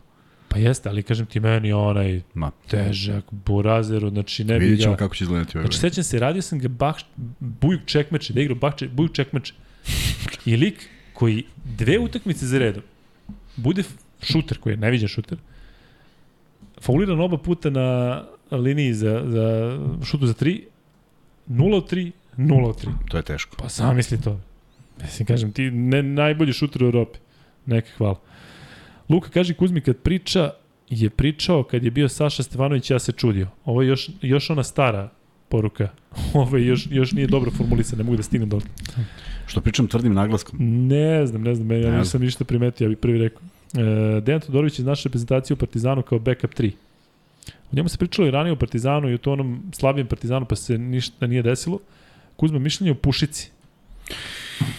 Ne, nemam zašto ga nisam gledao. Vasilije Pušica 90 i 2015. U, u, u nekom sastavu u 19. reprezentacije, već je tada da bio otišao na koleđ ili tako nešto se izdešavalo. Nešto, neki je problem bio. I, ovaj, I nikad nije, nikad nije zaigrao za te neke selekcije. Vidim da je tamo igrao poprilično fino, ali nik, nikad ga nisam gledao. Da. Exum je u Juti bio startni play posle samo jedne ruke sezone. Diskutabilno. Mislim, šta znači startni play sad? Kad je tad Juta, šta je to, 2014. 15. 16. možda? Startni play, ne može bude sad, pokušam se setim koji je bio tad startni Bio je, play. kad je izlazio na draft, bio je 2-1, nije bio 1-2, bio je 2-1, da. tačno sećam. Ni, ja nikad nisam da igrao trojku, samo dvojku, event, jeste igrao nekad keca, to je bila neka zamisao Utah, ali ne, ne može da igra keca ne, čovjek. Ne, ja kažem, meni bi on bio pre za trojku, kažem ti, što se tiče obrne i svega onako, znaš, da može da brani te neki igrače koji su možda i malo više od njega. E, ma da on defanzivno, bre, pamtim ga da je uvek agresivan, stalno nešto na lopti, kažem ti, neko mi pre možda mi odigra odbranu kecu nego što može da igra kec, ali ajde vidjet ćemo. E, Filip loše si upućen, pro, loše si upućen, proveri ponovo, Filip je nedavno potpisao i seniorski ugovor sa Sparsima.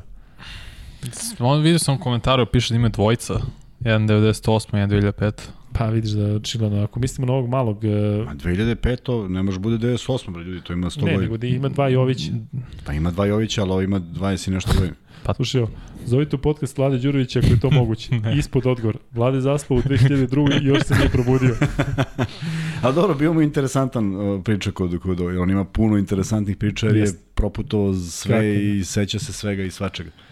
E, I na zvaničnoj objavi kluba Exum bio karakterisan kao guard, a ne forward. Tako, Došao za manje pare od Barse u KKP da bi imao veću ulogu na playu i probio se nazad u NBA ligu. Neće biti Srećno s tim.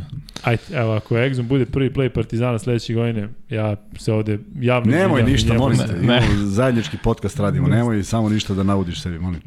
Neću. Problem sa Miškom je što često se desi da su treneri glavnih rivala njegovi klijenti, uključujući njihove strane igrače. Setimo se kad su treneri bili Džile i Radonje. Pa ima svega toga, tako je. A naravno da ima. Miško je izjavio da bi zbog razvoja igrača ne želi da igra, Miško je izjavio da zbog razvoja igrača ne želi da igra više takmiče, jer po njemu igrači nemaju dovoljno prostora za napredak kako nemaju dovoljno treninga. Ima i smisla i to. Kakva je situacija sa Talaćem, Petrovićem i Radovanovićem? Juniori Partizana dobili su priliku pre dve sezone. Ne znam šta Nešto su svi raštekani, koliko sam vidio. Nešto, da li... Ne znam. Uh, nešto sam se pozabavio time. Čak nije ni važno da li mi znamo, bitno je da li Partizan zna, zato što se u prošlosti dešavalo da kad tako odu zaborave ih, pa se nadam da neće. Mogu da te obradujem. Ajde. Znaš koliko je sati? Koliko? Pola dva čoveče. Što da me obraduješ? A ništa, samo ti kažem ovako. To kao ironično. Nijedan nije free bet bio. Da, vidio sam pitali ljudi za free bet, sad ćemo free bet. Smišljite free betove. E, Kuzma, Vlade Ivanović, ali u budućnosti. Svida? Drugi Vlade Ivanović u budućnosti. Da, da, pa dobro. E, kako ćemo da to, kad kažeš Vlade Ivanović, sledeći, moraš da naglasiš ovaj Vlade Ivanović, moramo da smišljamo neke nadimke. E, šta kažeš Kuzma, drugi Vlade Ivanović preuzima budućnost? Ajde, reci sad, opet pitim. Ajde, dobro, Vlada je dobar trener, odradio je, završio je posao u Megi, to što je, što je, što je zamislio, ide dalje. Vidjet ćemo, ovaj, mislim da mu je i Gile utabao malo put, s obzirom da tu vrlo bitnu ulogu igraju neke preporuke. I mislim da je ovo jedan veliki izazov za njega, zato što ne mogu setim kad je bio poslednji put u nekom takvom klubu i sistemu. Šta mislite o onom Freemanu za zvezdu? Verovatno ga Luka zna bolje zbog EK i Burse, ne mislim na Regija Freemana. Sveći Regija Freemana? Kako ne? Što nešto posle FNP-a i nešto otišao, da. da. Uh, kad je peo neke pesme Željka Joksimovića. Ali bio, je, bio je zabavan. Lane moj ovih dana. Da, nije, neki brž. Varnica. uh, šta da mislim o Aleriku Frimenu? Mislim da je dečko koji nema sreće i parati ga neka, neka nije on naravno ništa kriv, ali ti odeš iz Burse koja uradi ono u Evrokupu i odeš u CSKA gde, je, gde počne rat, svetski rat. Dakle, ne znam, prati ga neka loša karma i to nije prvi put. Dakle, njemu se to ne dešava i u Turskoj ranije isto bilo nekih čudnih situacija oko njega, ali dobar je, pouzdan je. Dakle, sećam se da onako u toj bursi na početku sezone, gde još bio Milosavljević, gde još bio Brown iz Partizana, uh, Anthony Brown, onaj, sećam se njemu ide lopta, on sigurno uzima, završava, sve radi kako treba. Nije loš, mogu sad kad razmišljam na stranu ovo moje sueverije, ali taj Freeman ako je već bio za CSKA, što ne bi bio i, i za, za naše klubove. Čudi me kako Partizan i Zvezda nisu pokušali dovesti Zeka Augusta iz Cedevita Olimpije, ima odličnu sezonu. Nemoj Zeka Augusta. Nemojte, Nemojte molim. ljudi, molim vas. Mi nemojte u avgustu, molim vas. e, samo ne u avgustu. Ali baš stanak u glavi, a? Uh. Ali ne znam kako ljudi to ne vidi. Ne, pa ljudi malo gledaju, znaš, on ima jako vide dobru... zakucavanja, vidi. On jako znaš. dobro istrči tranziciju, yes, dobije loptu, on da. zakuca, on sve to. Jednom je šutno 16-4 ili tako nešto slobodno bacanje, drugi put je promašio sve što je sam smislio, a nije bilo na Eliup, prema tome nije neko ko je pouzdan. Mm, daj Carmelo u Partizan kakav kazan, uslažem se. Mislim, Melo dođe u Partizan. Evo, tačno čovjek dao primjer. I se krenu dresovi. Ma, ti samo Melo. da krenu dresovi. Da, ali nešto bi ga prozvali bi ga ovde Mile. Znaš, on uzme broj 46. 47. Ne, 47, da, pošto 47, vjerojatno niko. 47, nećemo imati nikog. Idemo dalje. E, dobro, Gde idemo dalje, čoveče, 2 sata Ajde, smišljite, smišljite free betove. Hoćemo pitanja pa da idemo da spavamo, kaže Ilija. Ajde, Kuzma, daj free bet neki. Ajde ovako, uh, ja ću... Pa ne, Kako se zvala majka onog momka u kojem smo mi pričali pre nego što se uključili? Nećeš da kažeš koja. E, evo pitanje za vas koji ste možda gledali ili niste gledali Hustle, ali e, nabrite pet košarkaša, bivših ili sadašnjih, koji glume sebe u Hustle, zato što recimo e, Ant, Anthony Edwards glumi nekog Kermita, znači Juancho ne glumi sebe, ali pet košarkaša koji su glumili u uh, a da uh, su glumili sebe. Bivši, sadašnji, kako god. Dakle, kreće prvo pitanje za free bet. E, umeđu vremenu, Kuzma, e, vaše mišljenje o Ostinu Deju iz Venecije? Mm, Nemam nikako. Prošlo je njegov vreme, svaka čast i za NBA karijeru i sve, super, odlično, ali mi nesigurni, šute neke trojke i tranzicije, on neki čovjek. Um, da ja da postavim pitanje. Ajde, čekaj, čekaj, čekaj, pa mora da valjda odgovori prvo novo. Na što? Pa što mora da odgovori? Pa mora. Pa igrao je Pušica u Superligi u KK Partizan. To odgovor. Mm, evo, stiže sad. Šta mislite o tome da Srbija nema pleja, jer od mlađih kategorija kreće stereotip da je play od 180-185 da, da, ne postoji, da, da, da, da, mora da bude 2-10, tako je, da. Svi su Mora, eliminisani, svi, svi niski su eliminisani iz nekog razloga. Ja to govoriš ironično ili stvarno? Govorim ironično. Luka, komentar na Lillarda. I onda se pojavi Pengos, i pojavi se Lekavičus, i pojave se Plejada onih. Regland. Imaju 140. E, play iz Partizana Spisu, play za Partizan Spisu iz Unix, ne sviđa mi se on momak, moram priznati, gledao sam ga u reprezentaciji par puta, i to onoj reprezentaciji koja nije obezbedila plasman Italije, dakle pre ove neke kvalifikacije koje su gubili, dakle sećam se njega i ovog Ričija, ne znam se kom je, ko, nije mi bilo dobro posle nekih njihovih utakmica. Lauri, Calderon, Oriola, Vili, Hernan Gomez i Clarkson. Um, Stvarno neko odgovori na tvoje pitanje? da. Treba ne znam, ne znam sedam da free betova. E, da sedam free betova mu daš. Trey Young, Bobby Marjanović, Tobias Harris, ne može Bobby Marjanović da glumi sebe, glumi izvesnog Jovanovića. O, moj bož. Šek, Dirk, Dr. J, Reggie Miller, Lauri. Ali prvi odgovorio Milan Vušurović. Milane, šalji uh, na Max Bet. Uh, šalji Kuzmi na Luka i Kuzma ID Max Beta. Dakle, to je prvo pitanje. Sad stiže ovde. Mike James glumi u Hustlu. Da, ne mogu da se načudim. Znaš da Mike James glumi u Hustlu? I to je pa, sam neki baš. Ima neke neviđene veze. Dolazim u Durant, on glumi tamo. Šta će on u Hustlu, aj recimo? Kao koji igrač? Kao šta? A, kako se, drugo pitanje, kako se, e, kako se zove film?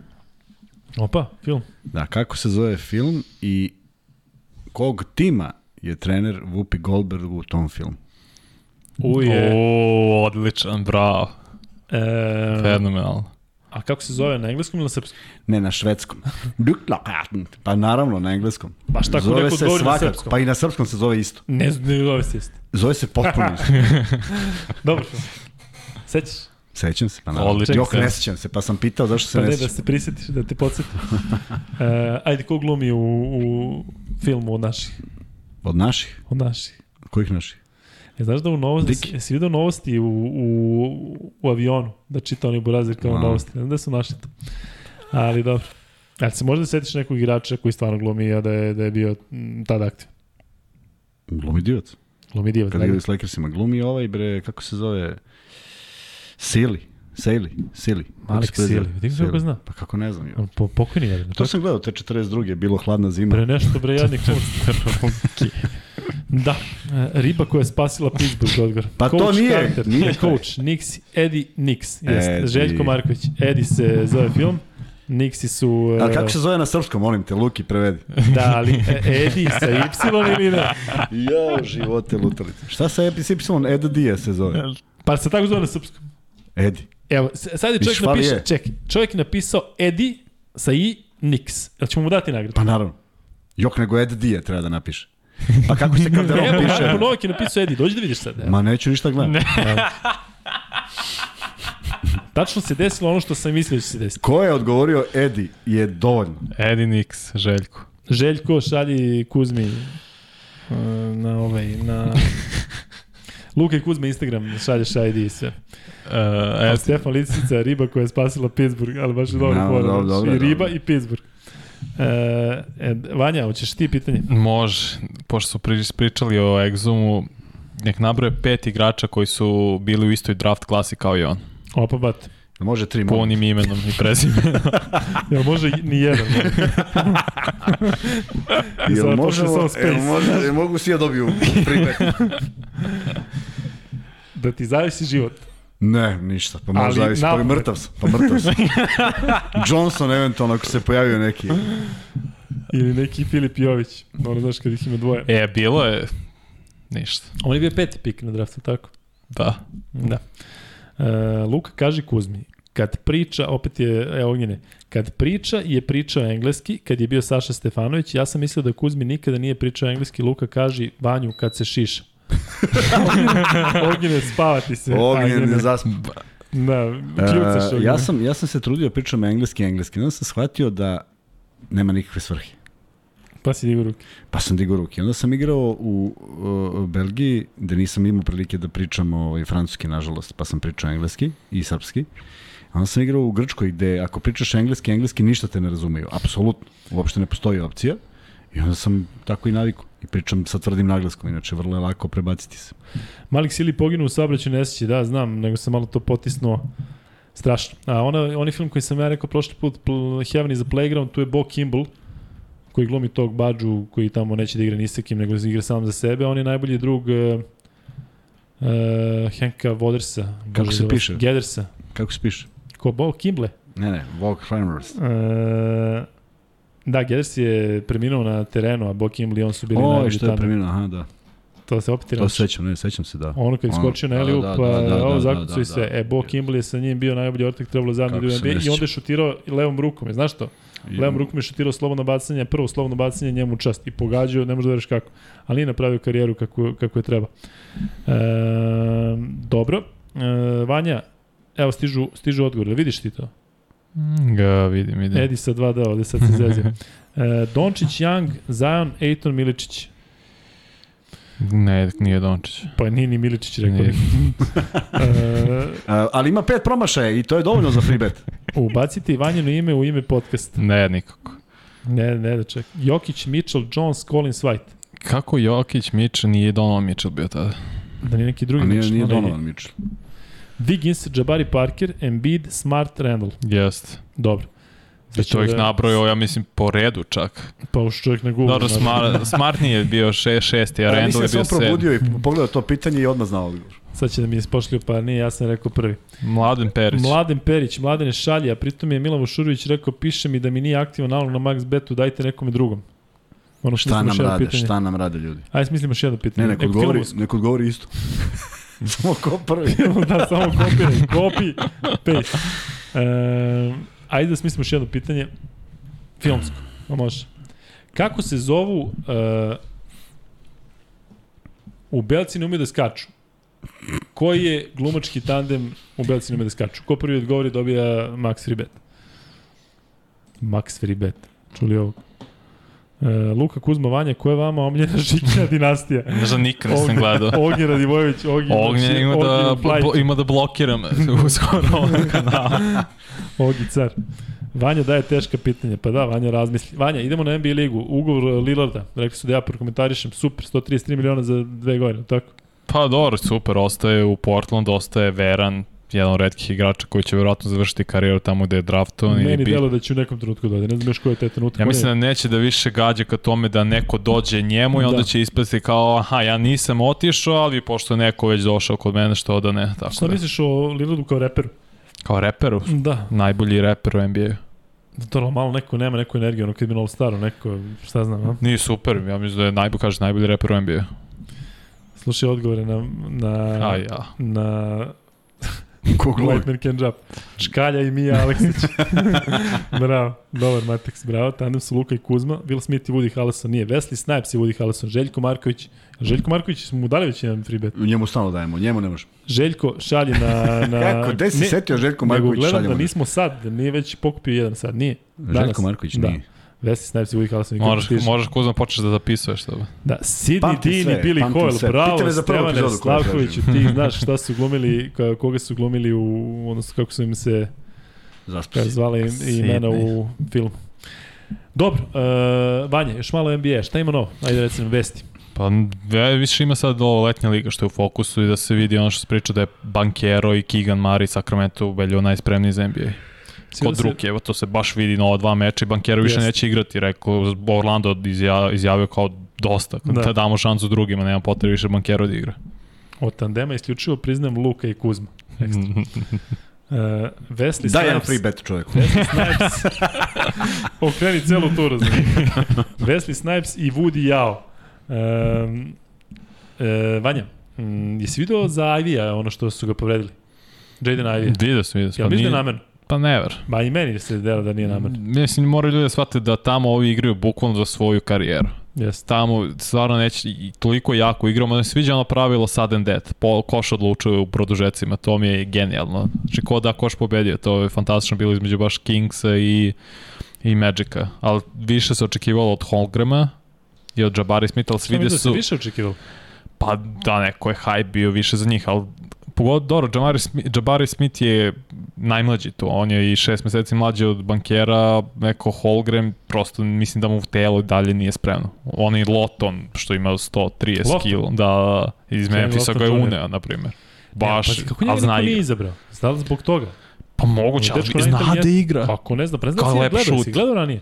Gledao sam mnogo lepše. Jesi gledao na, na, ispod 19 godina na svetskom prvenstvu pre dve godine? To nis, ne. Pa rate, znači dečko drži košarku u malom prstu. Nazdrav. Dobro, dobro, da. Ove, e, nego stvarno je čudne građe. Da kažem ti, A, malo, da samo smo što igra baš lepo košarku. Znaš ko je igra, zna, Scottie Pippen mlađi. E, da, kako komentarišeš Šekovog malog Pippenovog? Ne sjećam se za šarifa, mislim da nije NBA kalibar stvar. A... Da je zbog imena tamo, a mali Scottie Pippen zna da igra košarku. Jel nije birano na draftu? Nije, ali potpisao za Lakers kao potpisao, na dve godine, da, da. Baš a... zna, vidi se da zna da igra košarku, to je mi mnogo mi sviđa. Da, ali nešto se plašim da nije samo, znaš, da je jednu, dve utakmice odigrao pa da nešto padne.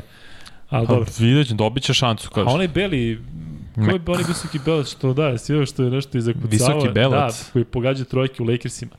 Pojavio se neki lik, izašlo mi je, kažem ti, koji nešto kida. Ne znam, ja sam mislim, misliš u Warriorsima ovog playa, Mac, uh, ne, McLeod. E, jesi video, šta misliš o Lebronom sin, kada smo već kod sinu? Kojih? Broni. Mla, Bronju ili mlađe? Bronju, Bronju. Ne, ne. Ne, ga je mislio kad je rekao da igram u istom timu kao i Da, sam. da, na Bronje je mislio, ne znam, Ali ne, mora stvarno. tako? A? Ovaj mali je talentovaniji, ovaj drugi. Ovaj mali sa 15 godina je isto visine kao Lebron. A, to viš.